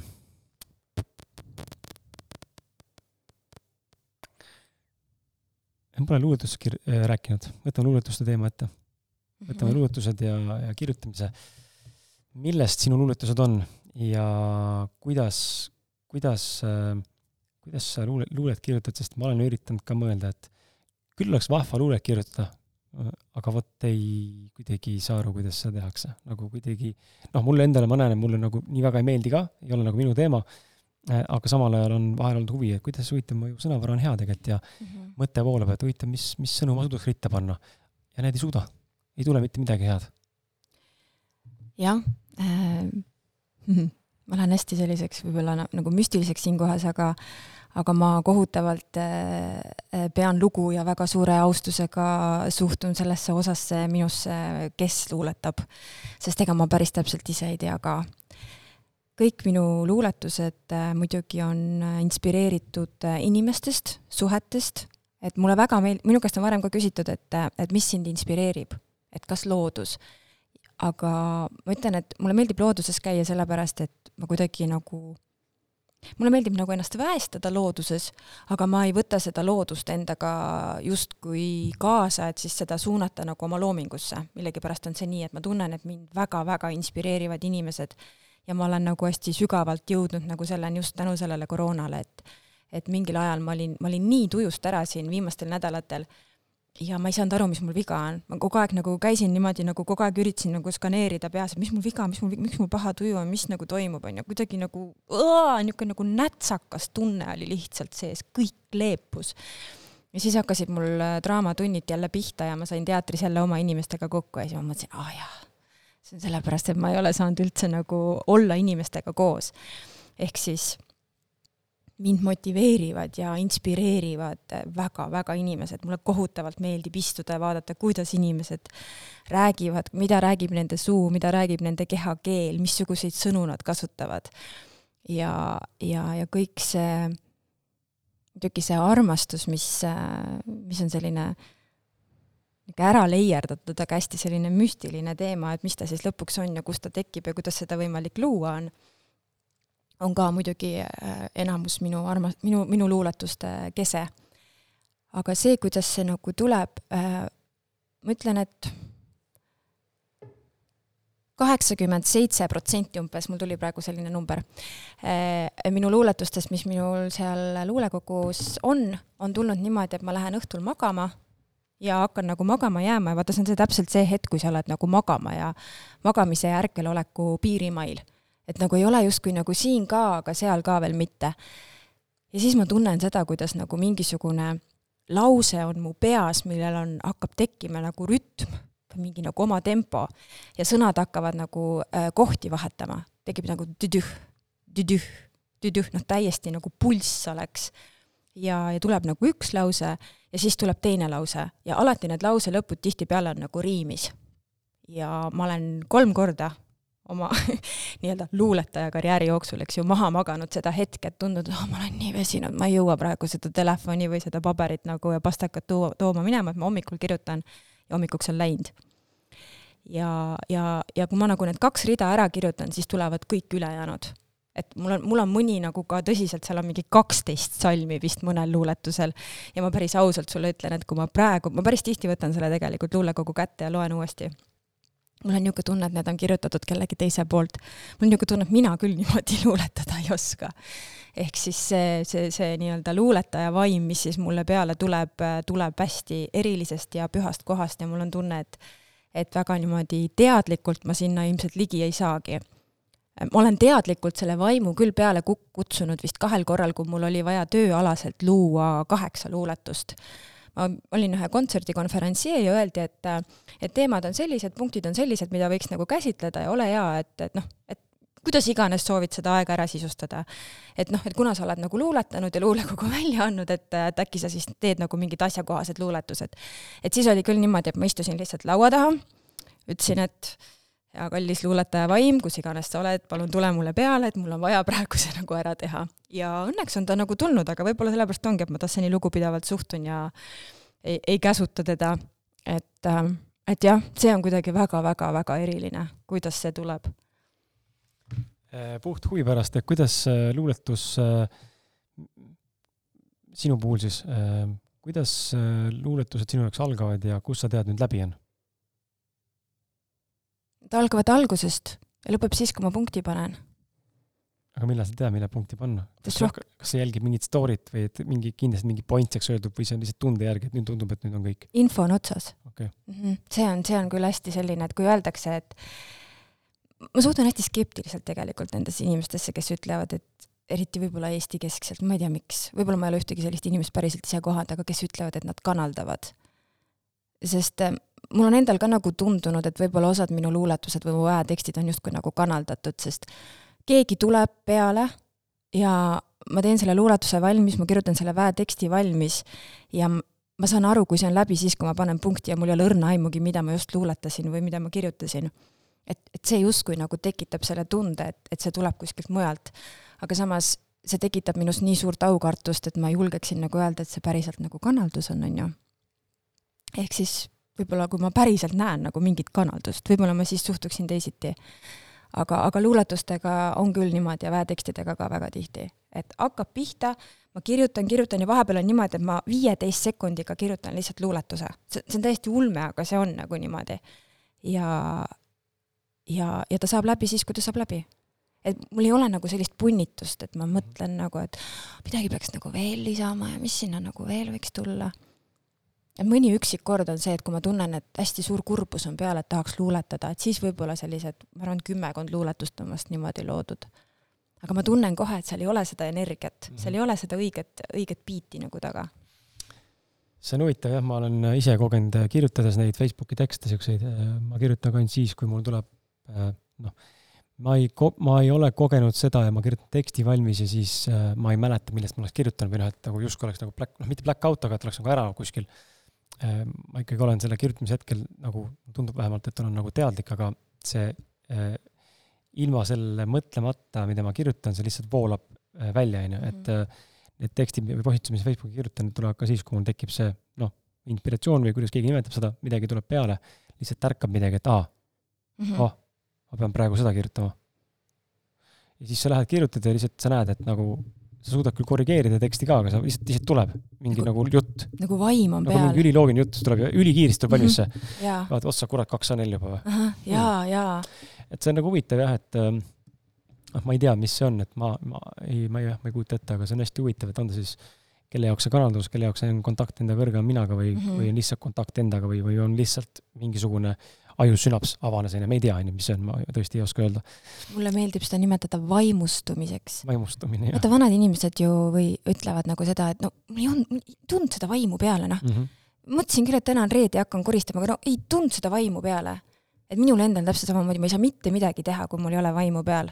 et noh, ongi kuidagi vaimustumine, et sa nagu saad sellest vaimust täis või inspiratsioonist täis võtame siia lõppu viimase küsimuse, praktiline äh, näitleja seisukohast siis. kuidas kasvatada endas enesekindlust, kuidas arendada lavalist esinemist või üldse avalikku esinemist, sest et see on midagi, millega inimesed väga, no enamik maadlevad, väga suur osa inimestest pigem ütleks, et maadleb. minus on see loomupäraselt olemas, ma näen, et ka sinus on see loomupäraselt olemas, ilmselgelt sa oled ka näitleja, äh, aga lihtsalt, mida oskad sa anda praktilist nõu inimesele, kellel on lavahirm või esinemishirm või ei julge Äh, lihtsalt kas või kolme-nelja sõbra ees suud lahti teha, enda arvamust avaldada, sest et tal on hirm. Mismoodi üle tulla sellest, mida praktiseerida mm? -hmm. see on hästi hea küsimus, sellepärast et äh, mina olen täpselt olnud selles kohas. et kui ma töötasin äh, ühes erakonnas, on kümme aastat tagasi umbes või natukene vähem, ja ma pidin ette valmistama niisugust maakondlikku või piirkondlikku koosolekut ja ma pidin nagu kõik asjad ära ette valmistama, eks ju, kõik, kõik, kõik, kõik, noh, ruumi rentima, suupistet tellima. Ja siis nii-öelda selle päevakorra nagu sisse juhatama, ehk siis a la mingi kolm-neli lauset ütleme. Saad sa aru, no mul, mul iiveldab ja tead kõht lahti ja no käed-jalad värisevad ja hääl väriseb ja ja no ei suuda teha. noh, bakatöö kaitsmine ka, tead, jalad niimoodi värisesid, ma võtsin kingad jalast ära, et ma suudaks enam-vähem nagu kuidagi mitte vappudes seda nagu teha. Ja täna olen ma kohas, kus ma võin täiesti suvalisel hetkel astuda lava peale, rääkida ükskõik mida, noh, nendel teemadel, mis mind nagu kõnetavad. et mul ei ole nagu, mul ei ole seda hirmu ja mul on tunne, et see, mida ma nagu ka inimestele või, või noh, ennekõike ka noortega, kui ma nendega tegelen, mis ma ütlen, et see oluline on aru saada, mis hirm sul on. hästi tihti, kui ma enda nagu neid draamatunde või näiteringi uute gruppidega nagu alustan, siis nendel, kellel on lavahirm, ma lasen kas siis nagu suuliselt mulle rääkida või siis kirjutada essee teemal, et miks tal on, mida ta kardab.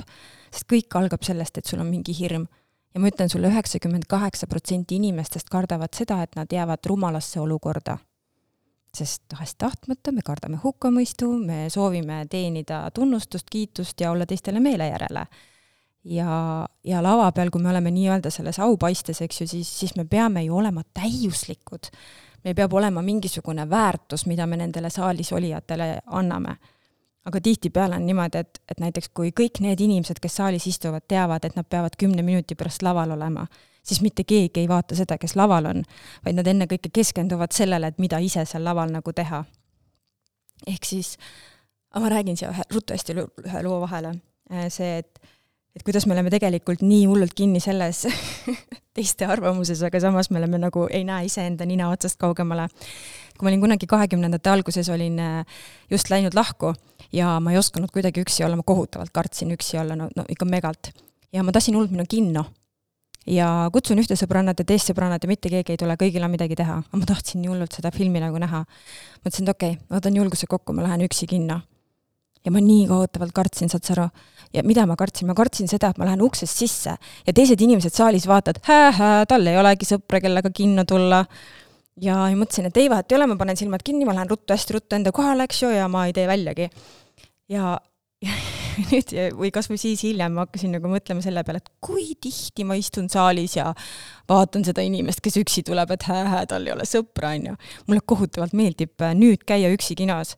ma saan nagu täiesti minna filmi sisse, eks ju ehk siis äh, lavaline julgus tulebki sellest, et esiteks sa pead aru saama, mis su hirm on ja, ja tegelema selle hirmuga.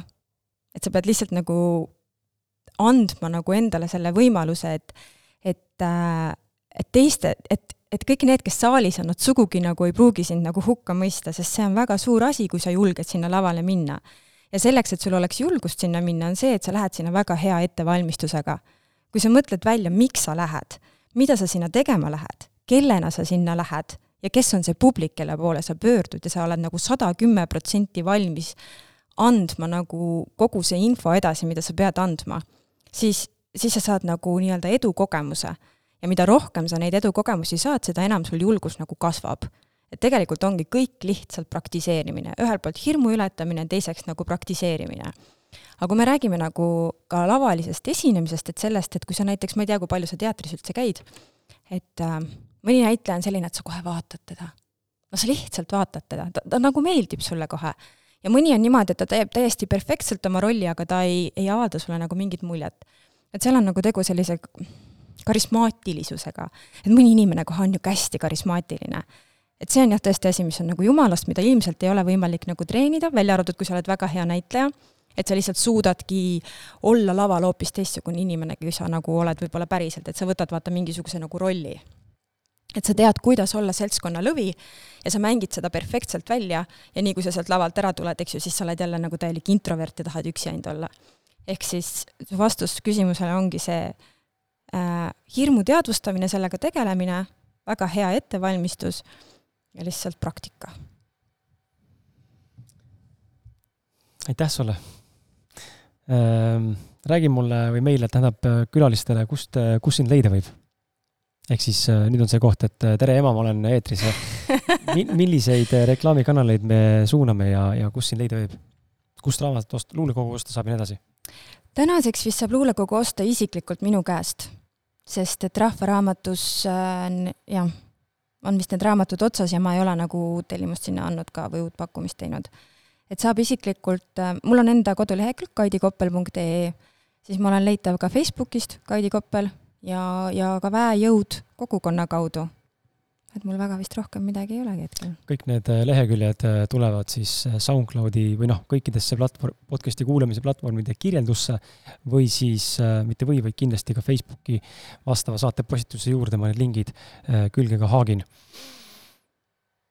jah äh,, aitäh sulle!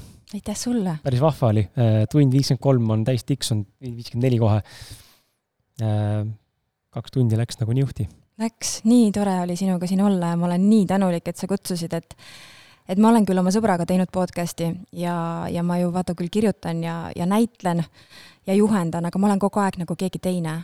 aga täna ma tulin nagu päriselt nagu hästi alasti, äh, vaimselt, emotsionaalselt, tegelikult ma olen ka päriselt riides ja, praegu. tegelikult on päriselt ka alasti et tulin nagu iseendana, et Kaidi Koppel, lihtsalt mina, naine, kes tegeleb erinevate asjadega ja liigub selles suunas, et tunda ennast igapäevaselt hästi.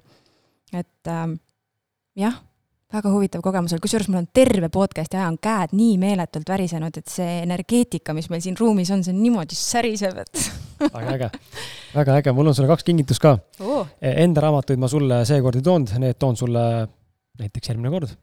aga ma võtsin sulle kaasa siukse asja nagu Helin-Mari Arderi plaadi oh.. Jazz, ma ei tea, kas sa kuulad või kuula, aga paljudele meeldib. Äh, minu hea mentor Indrek, keda podcast'is paljud inimesed teavad, on tema suur, suur, suur toetaja.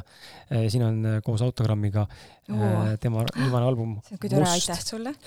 ja ühtlasi siis meil on Million Mindset kirjastus mm. -hmm. on meie koostööpartner ausalt meeste podcast'il ja siin on sulle James Redfieldi raamat Taevane ettekuulutus, iidsed taipamised, mis aitavad mõtestada sinu elus toimuvat see on ka sulle lugemiseks. jaa, aitäh sulle ja mina tõin ka sulle kingituse, ma andsin selle juba ära. jaa, ma sain sinu, sinu luulekogu, mida ma saan õhtul katsetada, kas äh, laps äh, kuulata tahab ja kui laps kuulata ei taha, siis äh,, siis ma pean ise, ise, ise seda sirvima hakkama ja lugema hakkama. ma arvan küll jah, ta võib-olla äkki ei saa veel nii hästi aru.